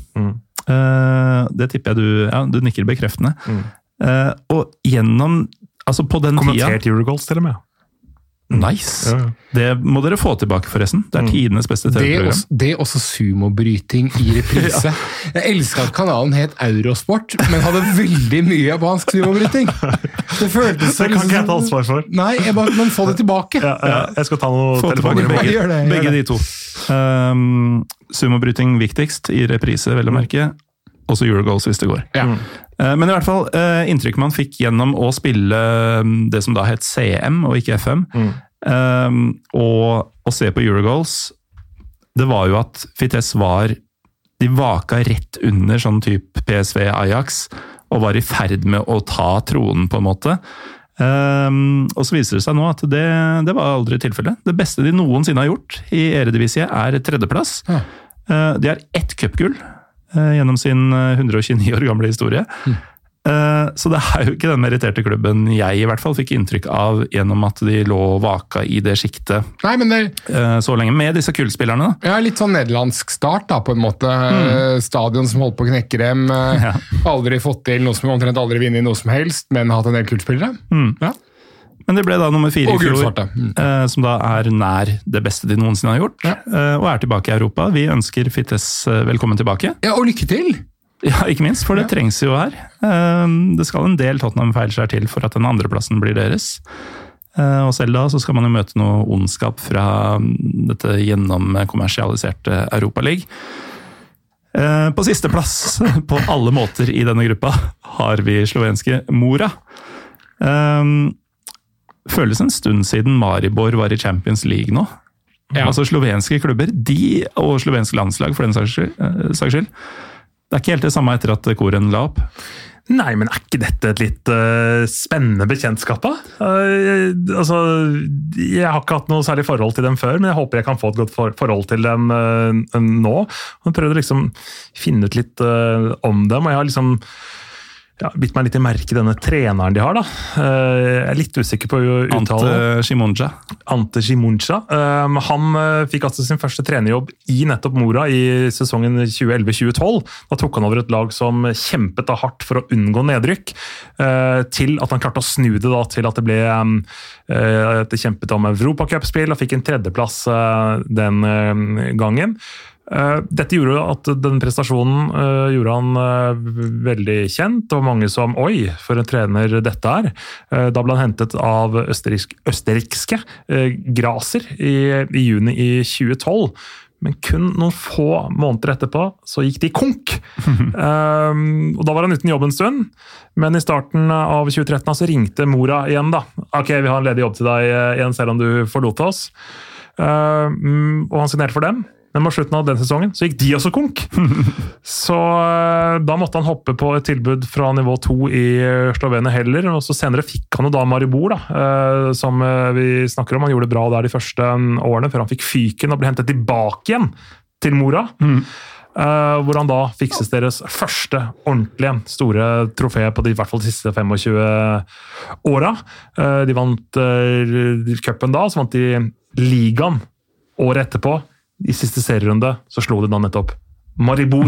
Så det er en mann som har um, opplevd opptur og nedtur, og er sikkert veldig glad for at man får tre millioner euro for å være med i dette gruppespillet, for det er jo veldig betydningsfullt for nettopp en uh, klubb som uh, Mora, ikke minst for en mann som har opplevd diverse konkurser som fotballtrener. Ja, og det er jo ikke en klubb som uh, håver inn grunker gjennom ligaspill uke etter uke. altså Stadionet er omtrent på størrelse med Kristiansund sitt. Um, og så er det jo sånn, altså, Vi kan jo ta en liten ting om Shimunja Shimonja først. altså Han har like mange landskamper for Slovenia. Eh, Nå snakker vi om spiller, selvfølgelig. Som han har kamper for Malmö FF. Tre av hver. Ah, så han har vært litt rundt, da. Han har både vært på landslaget og vært uh, halvsvenskan-reserve, Ja. tilsynelatende. En annen slags fun fact her er jo at uh, de kommer da fra det som var den nordligste byen i det gamle Jugoslavia. da. Nei, Ja da, den er fin. Så kan vi kalle dem jugoslavernes Tromsø. Det tror jeg vi kan. Bortsett fra, at det finnes ganske store landområder nord for Tromsø. Ja, men, men som en klubb, da. Det er nordligste eliteserieklubben, da. Det må Vi kan det. Vi, vi kaller dem, vi kaller dem Jugoslavisk Tromsø. Så vi må bare kikka kjapt på kartet noen få ganger. Ja, ja, for det var nordligste. Nei, det, nord, det var nord, nordligste byen i Jugoslavia. ja. Men vi, vi kan jo nevne at da han fikk dette tredje jobbtilbudet fra Mora, så var det en ny versjon av den klubben eh, som han en gang hadde trent, fordi uh, Mora 05, som han hadde to opphold i tidligere, ble eh, rett og slett eh, oppløst. Ja, det gikk jo konk, da. Ja. Og, og, og hvis vi nå, hypotetisk sett, vi skal ikke gjøre det, men hvis vi nå kunne bare tatt en liten pause her, og så prøvd oss å begynt å telle opp hvor mange av de klubbene er det vi har snakka om i, i litt over halvannen episode her nå, som enten har blitt slått konkurs og starta på nytt, eller har flytta fra den byen de opprinnelig var, eller Ikke sant? Det er jo nesten halvparten av dagen, altså. Ja, det er jo fort det. Ja. Men uh, i hvert fall de Men la oss fortsette. Ja, da, denne versjonen av Mora dukka opp, da, uh, så starta de på fjerde nivå. Og vi er jo nå i 2021. Uh, dette var i 2013-14-sesongen, altså ganske nøyaktig åtte år siden i disse dager. Da begynte vi på fjerde nivå. Fem år seinere, altså for tre år siden, i 2018, eh, 18-19-sesongen, så debuterte de i Prva-liga, som er eh, øverste nivå. Ble nummer fire! Ja. Altså, de hadde ikke bare klatra eh, tre divisjoner opp eh, på de fem årene, men de var klare for nivået eh, det femte året. Eh, og året etter det så tok de cupen, eh, og nå tok de da serien. Så det er en rimelig eventyrlig klatring, altså. Ja. Um, Og nå skal de til ja, Det heter kanskje ikke White Hart Lane lenger, men Tottenham jeg tror det heter um, White Hart Lane, ja. ja. Uh, sa du um, hvordan de tok ligagullet fra Maribor? Var det ikke siste serierunde? Absolutt siste runde, Mm. og det gjorde at de slo dem på innbyrdes oppgjør totalt sett. Ja. Det er så sjukt. Um, er for øvrig med i eh, conference fordi de fikk grisehjuling av Storm Graz i EL-kvaliken. Um, og tapte tidligere mot uh, Ludogorets i Champions League-kvaliken. Så de, de har egentlig bare fått juling så langt i Europa. Nå skal de møte Tottenham, Renn og Fites. Siste gruppe, folkens. Er vi klare? Ja. Jeg tenker bare, Petter, at vi blæster gjennom Basel før vi tar eh, Karabakh, Kairat og Omonia, fordi Basel er eh, den grå stæren i denne gruppa. Ja, altså Det har vært så mye Basel i Europa i så mange år. De har møtt så veldig mange av de engelske lagene også, som gjør at man øh, man har sett dem så veldig, veldig mye. Øh, har ikke sitt mest spennende lag sånn når vi ser på navn og sånn nå, sammenlignet med hvordan det har vært øh, tidligere. Det har alltid vært en to-tre spillere man har hatt et ekstra godt øye til. Jeg skal ikke si at de har noe Man ser så tydelig på laget nå at de ikke lenger er best i, i landet. Ja. på en måte, At de ikke stadig er i Champions League, og at de ikke kan liksom pumpe ut både overgangspenger og lønnspenger på samme måte som før. Men jeg kom over en tweet om, øh, om, om Basel som jeg syns var litt, øh, litt artig. Nå, nå syns jeg jo Trym har dratt fun facts litt langt. Da, et par, par ganger. Det har vært, vært mer facts, et par av dem. Mange av dem har vært funnet i det hele tatt. Saksopplysninger. Enda, enda flere av de har ikke vært relatert til fotball. Så da prøver jeg meg på en, en, en fact som i hvert fall kan, kan bli noe av. Fordi at øh, det, det sies da at dersom Basel vinner Conference League og den sveitsiske superligaen denne sesongen, så kan de jo da velge neste sesong om de vil, om de vil hoppe inn i Europaligaen sitt gruppespill, som er øh, premien hvis du vinner øh, Conference League. Eller så kan de velge å gå inn i andre kvalikrunde av Champions League. Oi. Men eh, gjelder ikke dette de fleste klubber? Nei, det går jo på ja. koeffisienten Ja, selvfølgelig, at de er kommer inn i andre runde. Mm. Så, så, Sveits, sveitserne har jo en, Ja. sikkert en bedre Ja. Mm. rang- rangering enn veldig mange andre nasjoner. Så hvis man da får det valget, da, hva gjør man? Fordi Mm. man kan, hvis, man hvis man da ryker ut av Champions League-kvaliken, så kommer det alltid noe eh, redning at du kan få Europaliga-kvalik og det der. Men du kan jo faktisk risikere å sitte igjen med ingenting. Mhm. Eh, Det er hypotetisk, det var ikke så fun, det var en slags fact. Ja. jo, men det er jo en interessant problemstilling. Eh, selv hadde jeg alltid gått for den feigeste løsningen, bare tatt der jeg veit at jeg er garantert å være med. Ja, men det, det er sånn jeg også kjenner deg. Ja. Eh, jeg gikk jo ikke for den da vi hadde denne kvelden med Rada i Beograd Nei, for noen år tilbake. Du, du gikk for den mest offensive. Ja.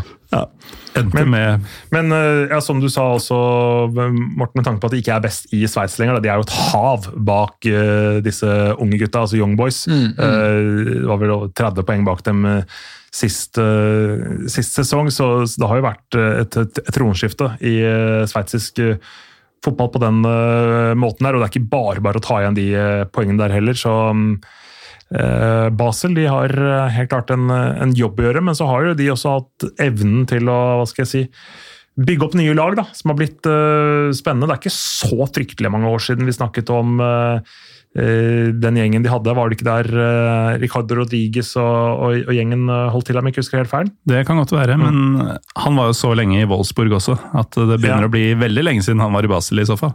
Ja. Um, men eh, det, det holder jo nå. Det som er fint for Basel, Det var kanskje ikke der, han var i Syri, sånn, tenker man. ja. Men det var, Samme sak. Ja, det var, det var i hvert fall en spennende gjeng, det. Men uh, altså, uansett om dette ikke er Basels beste årgang, så har det jo en tilsynelatende overkommelig gruppe, fordi dette er jo en gruppe som oser av både Pyro og Pivo og det vi tenker conference skal være. For eh, nå har vi jo da mm, et lag fra Aserbajdsjan, et lag fra Kasakhstan og et lag fra Kypros før vi avslutter eh, greia her. Eh, noen ideer om hvor vi skal begynne? Ja, men ta Karabag, da, så følger vi eh, Seeding-systemet. seeding-systemet. Det er jo gutta dine, det. Det, det burde jo på mange måter vært det, men det er på ingen måte det.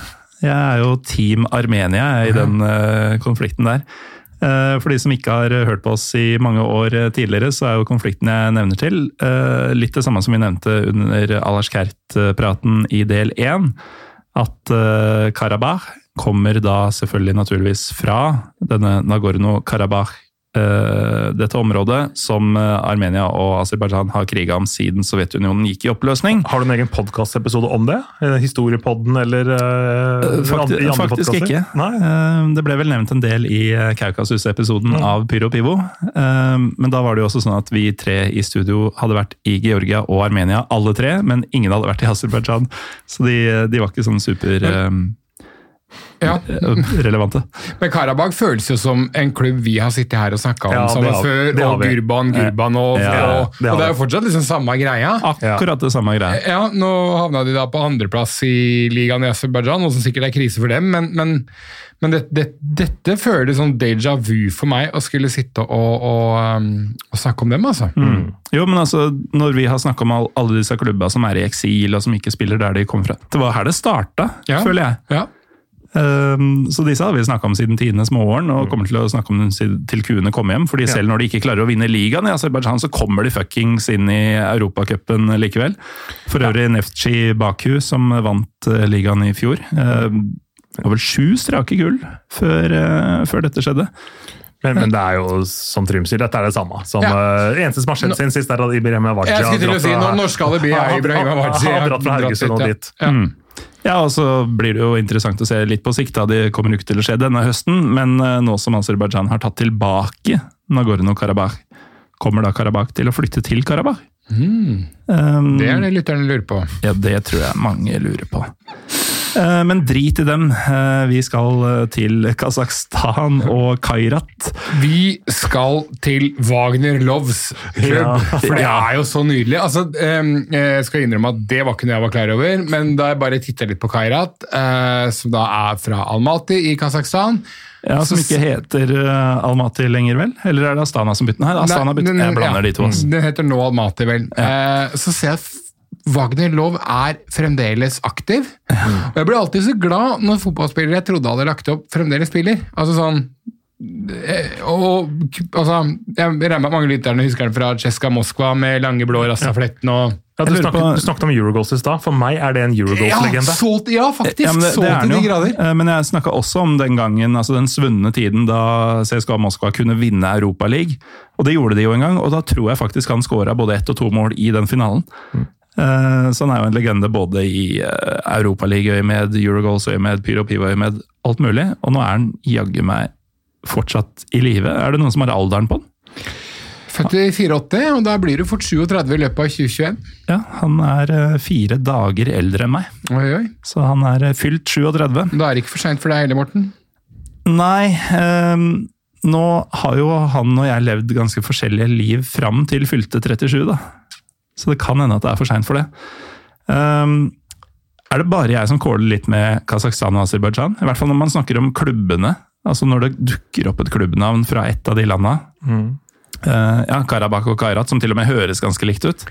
Ja, det Er det, no, er det noen som bremser opp et øyeblikk bare sånn Hvem er den nå? Ja, Hvis jeg tar dere på sånn, på sånn stående fot, hvor er Sjakter Karagandi fra, så er det lov å Ja, De andre lagene, ja, men Kairat eh, vet du hva, de står faktisk ganske sterkt for meg når det gjelder futsal. Ja. Eh, For de har vært gode i futsal i eh, så mange år og pøst inn med penger og brasilianere og sånn der. Så, Har du så, kommentert futsal på Eurosport? Eh, Ja, det har jeg òg. Og så har jeg spilt futsal og vært interessert, er jo interessert i, i, i det. Så eh, for, for min del så har jeg et mye sånn nærere forhold, om det er lov å si det, til futsal-laget Karat. Så da skjønner jeg fort at å, ja, det er, eh, det er der de holder til. Ja. Så jeg har Mm. ikke blanda på samme måte som deg. Nei, og noen som ikke blander dette, er jo kasakhstanerne selv. Fordi dette er en enorm klubb i eh, det som er et enormt land, for øvrig. Vi snakka om i forrige del at eh, nordmenn veit ikke hvor stort Ukraina er. Kasakhstan er mye større! Det er vel, jeg lurer på om det er verdens sjuende største land i utstrekning, eller noe sånt. Og verdens største land uten kyst. Eh, Det var en Ta- ta fin, disse. fun fact. Ja, det var faktisk en fun fact. Ta begge disse med en klype Det var ikke så fun den heller, det var bare fact. Og så, så er det ikke sikkert at det er fact. Ja, Ta det med en klype salt. Ja, altså- Veldig pyro pivo. Ja. Kan godt være at det ikke stemmer det jeg sa akkurat nå. Det er, eh, altså Nå har jeg holdt på med dette i fem år og snart 200 episoder. Det er ikke veldig mye jeg har sagt i løpet av den tida som jeg kan stå inne for sånn 100 Eh, Men jo, grunnen til at jeg sier dette, er at eh, de var faktisk den eneste klubben fra Kasakhstan som deltok i den øverste sovjetiske divisjonen. eh, Noensinne. Altså ja. aldri no, på Så noe tidspunkt. Tobol og Astana, disse andre Aldri, aldri. FC da? Ja, Nei. nei. Og ikke bare det, de var ikke sånn innom en gang eller to. De var der i 24 sesonger. Eh, Så de var jo mer eller mindre fast inventar. Eh, Sovjetunionen eksisterte ikke så lenge. Og er jo da selvfølgelig dritpopulære i Kasakhstan eh, av det. Eh, Definitivt den største klubben sånn følgermessig. Så på en måte litt samme effekten som Dinamo Zagreb, Røde Stjerne Partisan, som var de store i Jugoslavia. Fordi de var med i den serien, så har du da helt sånn, hele landet følger dem, på en måte? Er det det du Ja, ja, du kan jo si det. Ja. Eh, Men her var det jo da eneste representant for et ganske Ja svært. Altså, hvis eh, Ja, tenk um, Vardar, da, Mm. fra Skopje. Som vel fort var det eneste eh, makedonske laget man snakka om i gamle Jugoslavia. Um, men de, um, de Det er faktisk en stund siden de vant dette ligagullet. De hadde fem strake andreplasser og er nå med i Europa i det hele tatt fordi de vant ligaen. Men Um, det ligagullet var faktisk tilbake i 2020. For de spiller eh, Altså, de er her på samme grunnlag som Bodø-Glimt. da. Mm. Man spiller eh, vår-høst i Kasakhstan.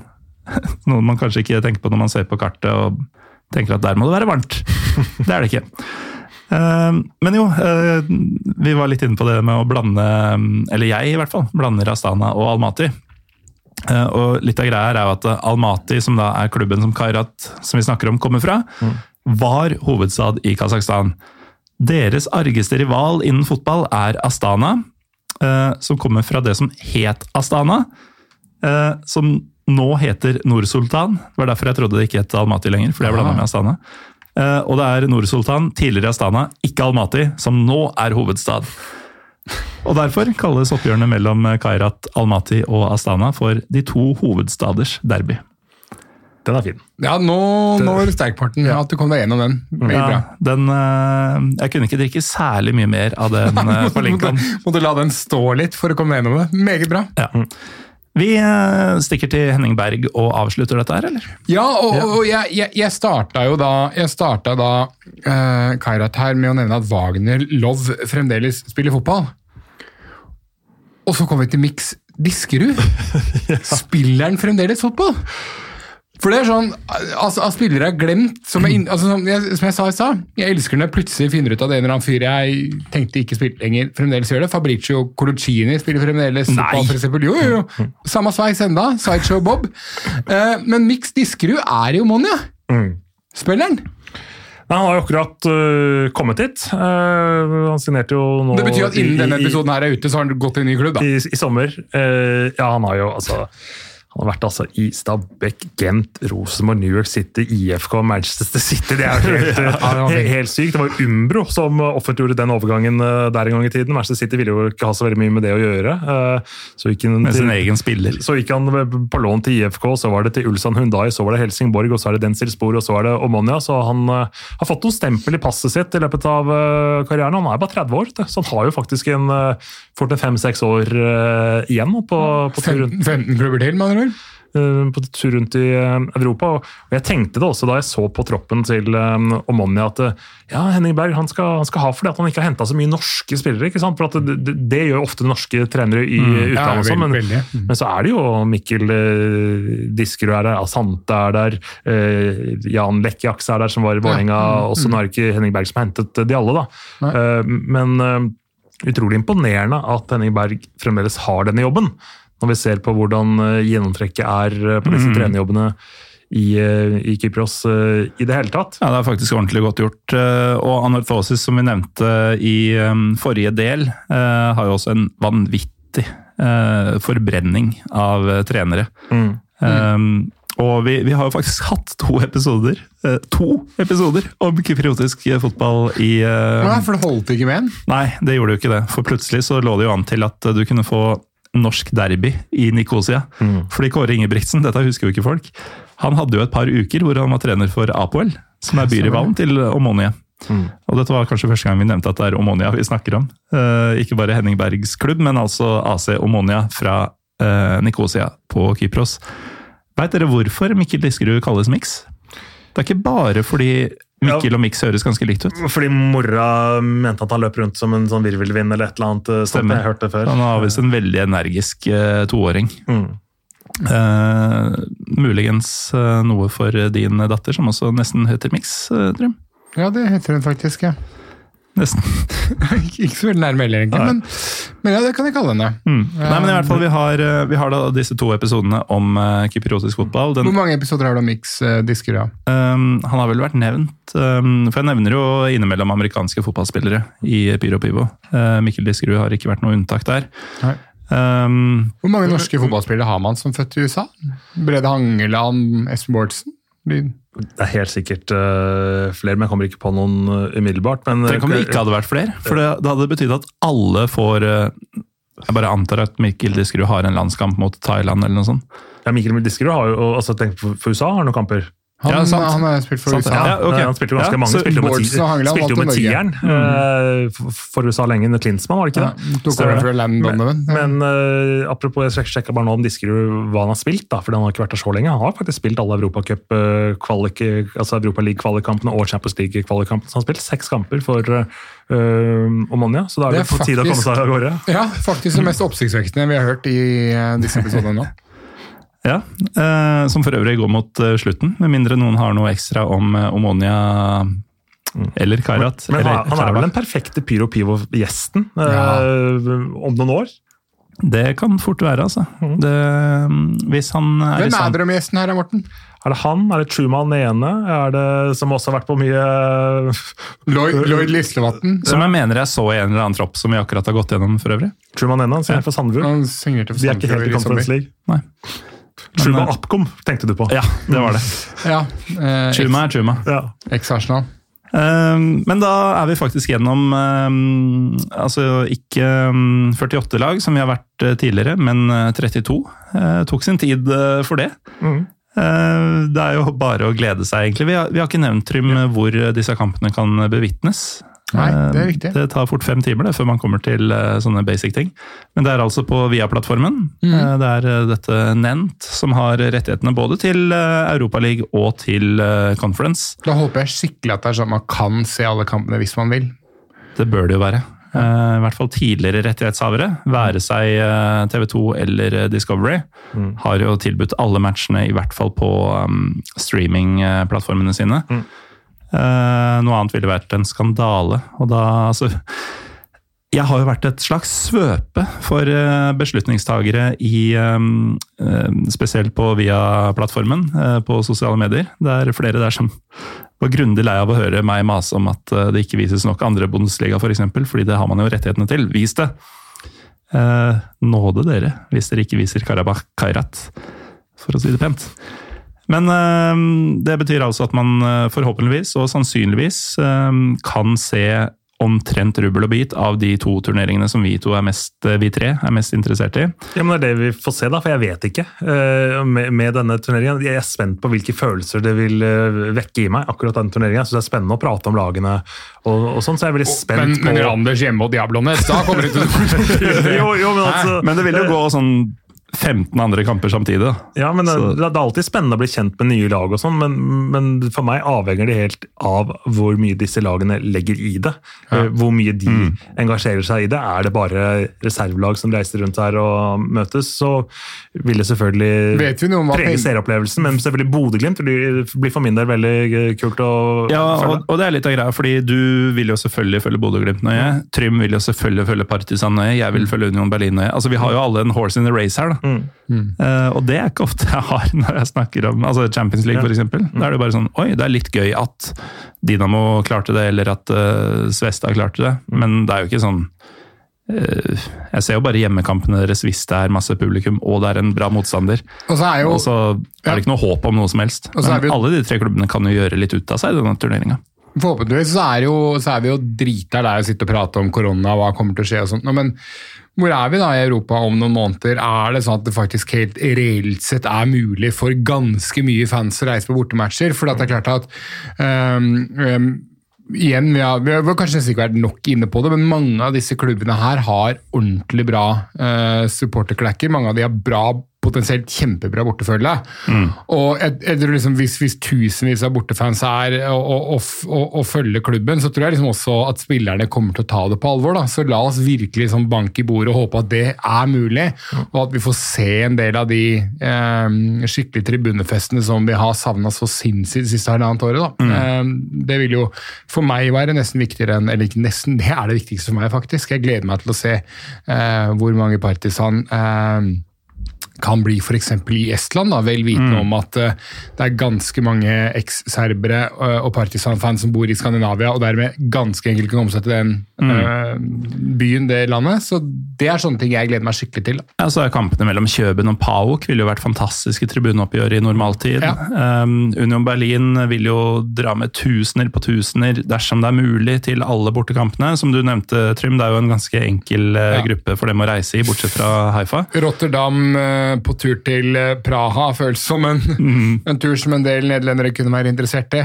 Det, Ja, ikke sant? Så det er jo, det er jo to byer som har mange av de samme kvalitetene. eh, så det er jo det, det er mye snacks som kan skje også utafor banen. Ja. Eh, vi har jo sånn delvis bevisst utelatt det fordi det er så store spørsmål rundt um, kapasitet generelt, og spesielt uh, bortefølgemulighetene.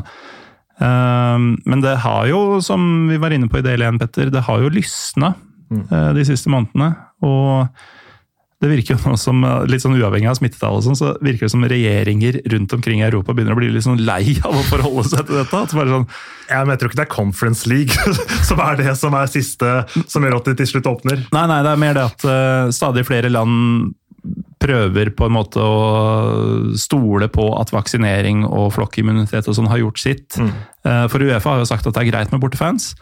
Um, og jo flere, og- og jo flere land som på en måte gir opp uh, kampen mot uh, smitte, jo uh, fetere tribuneoppgjør kan vi få, da. Og enkelte av klubbene har allerede begynt å kommunisere at vi er klare for å ta imot bortefans. Det vil da gjerne gå via de respektive borteklubbene sine billettsystemer. Da. Men, eh, men det er klubber i, i denne turneringa allerede som har vært ute og kommunisert at uh, vi er klare for å ta imot bortefans. Kontakt eh, din Klubb. Ja, din klubb, så, så kan det komme til Tallinn. Yes. Så på vegne av meg og Petter eh, så kontakter du din kontakt i Partisan, som kontakter Partisan og ordner oss bortebilletter til kampen i Tallinn. Det er det som skal skje. Som er omtrent det vi avtalte uh, uten noe håndtrykk, selvfølgelig, fordi det er fortsatt en slags pandemi gående. Um, Det er bare 20 dager til den kampen skal spilles, så det er fint. da. Eller 10 dager, det spørs når du hører på denne episoden her, for sånn er podkast, det er magisk. ja, ja vi, jeg kan jo innrømme at dette er spilt inn uh, en del dager før uh, dere lyttere hører det. Men Tall, Tallinn, I Tallinn er, 30, er slutten av november. Jeg tror du kanskje var i Beograd nå. Ja, det kan man. Gudskjelov, fordi jeg er ikke klar for å dra om uh, Nei, Beograd kommer vi oss ikke til. Nei. Det, Uh, uansett, uh, jeg har nevnt det et par ganger tidligere, en glede å ha dere tilbake. Det føles litt som om uh, verden er i vater igjen, når vi tre kan sitte og prate om obskure og mindre obskure klubber i fire-fem timer sammenhengende. Ja, Hyggelig å være ønska tilbake. takk for at jeg ble invitert. Mm. Um, og dere er jo da Petter Bø Tosterud Mm. og Trym Hogner. Jeg er Morten Gallaasen. Vi er nå ferdig med nærmere ti timers gjennomgang av uh, Europaliga og Conference. Hva som kommer neste uke, aner jeg ikke, men uh, noe kommer antagelig. Ha det bra!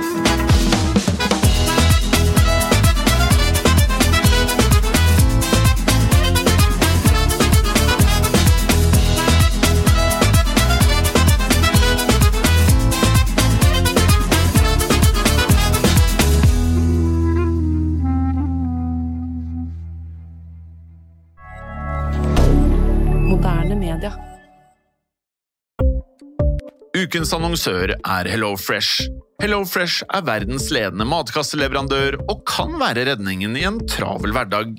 Mange av oss har nok vandret i butikken både sultne og uten en plan for middagen, som ender med at vi går for de samme kjedelige rettene gang på gang.